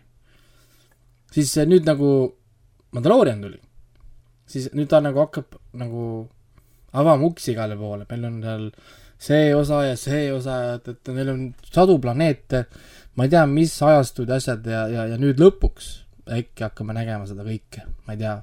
täpselt, nüüd, nüüd hakkab see asi laienema ka natuke. see on see, mida ma olen aastaid oodanud. aga jah, selles mõttes Mandalorian jah, ma selles mõttes, et ta, ta mitte ei ole ainult teeraja, vaid ta ise on ka, ma nägin, üle äärmiselt kvaliteetne, ütleme, nagu mm., nagu see ana-, nagu see analüüs oli, et, et Mandaloriani äh, nimi on küll seriaalil, aga me kõik teame, kes tegelik staar on. ja, jah, Baby Yoda tegelikult staar. et, et et see on nii, nii, see on ju, see on ju nii tüüpiline Star Warsi filmis või, või mingisugune materjalis sees on kuskil mingi nunnu asi, mida müüakse. ja Baby Yodast kohe tehti ametlikud ja mitteametlikud nukud, mida hakati müüma. aga antud juhul see ei mõju siukse suvalise asjana, et see Baby Yoda on nagu tegelane, ta on karakter, kelle ümber asjad tiirlevadki. Väikene Grogu. väikene Krogu täpselt ja väike spoiler ka.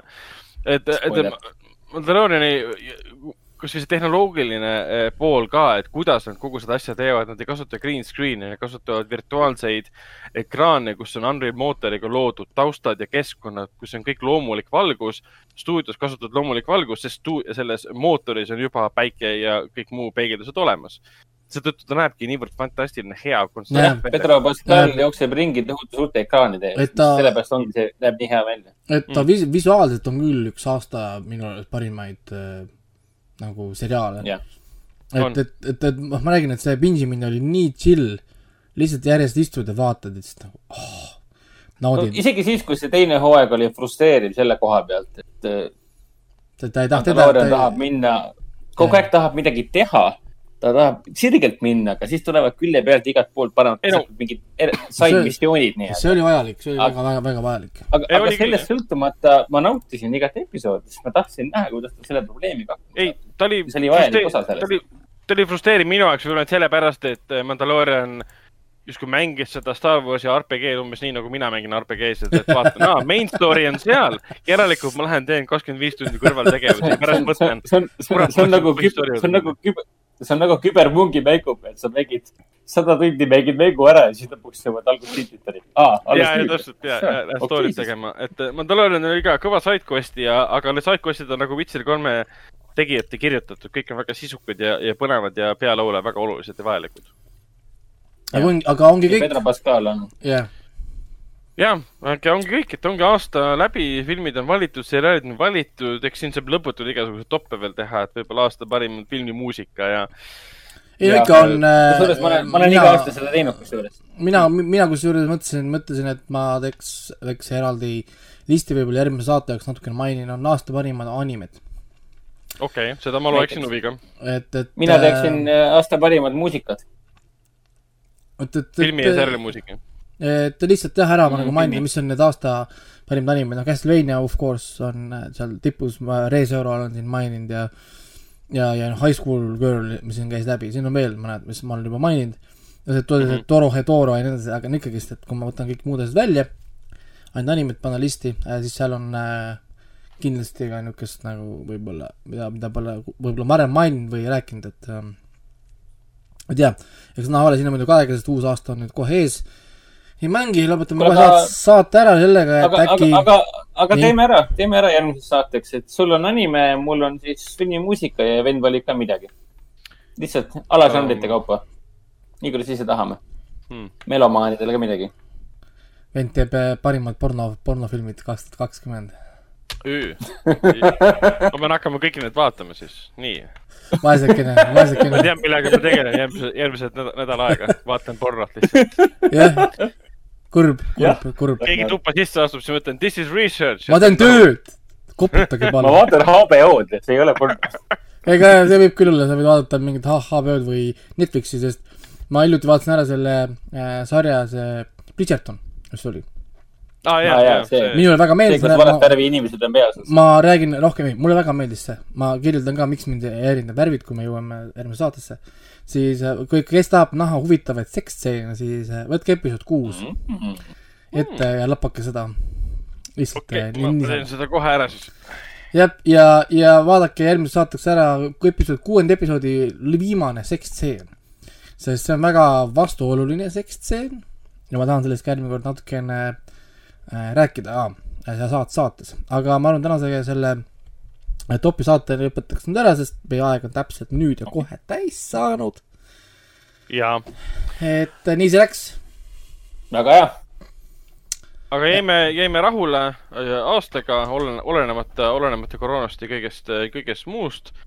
Teiega kohtume juba järgmisel aastal ja praegu me saamegi soovida ilusat siis vana aasta lõppu ja head uut, uut aastat. Äh, ma, ma, mina soovin ainult head vana aasta lõppu, sest ma pole endiselt kindel, et kaks tuhat kakskümmend tegelikult ära lõpeb. Elame ja näeme kõigepealt sinnamaani ja, ja kui on uus aasta, siis järgmises saates soovin ka head uut aastat. aga sa arvad, et tuleb äh, kaks tuhat kakskümmend part kaks, jah? jah, et siin tuleb kolmkümmend kaks detsember ja, kakskümmend, kolmkümmend, kolmkümmend kolm detsember ja, ja see võib olla küll läheb, tõsi, jah. läheb muudkui aga edasi. Aga tundub, et Hen- Hendrik juba jättis meiega vist hüvasti. Hendrik Ja- juba läks saatest tagasi ära., ma olen tagasi. okei, me juba mõtlesime, et Telia jättis, jättis sinu eest hüvasti. keskmist sõrme nii, Hendrik, mis on sinu viimased, viimased soovid? mm. -hmm. see kõlas väga halvasti praegu. kaks tuhat kakskümmend küsib, mis su viimane soov. jääge, jääge negatiivseks ja olge tublid. ja, tasu, tasu, tasub jääda negatiivseks. vot, aga siis äh, loemegi. olge negatiivsed. täpselt nii. aga siis loemegi saate saateks ja näeme juba uuel aastal. nägemist.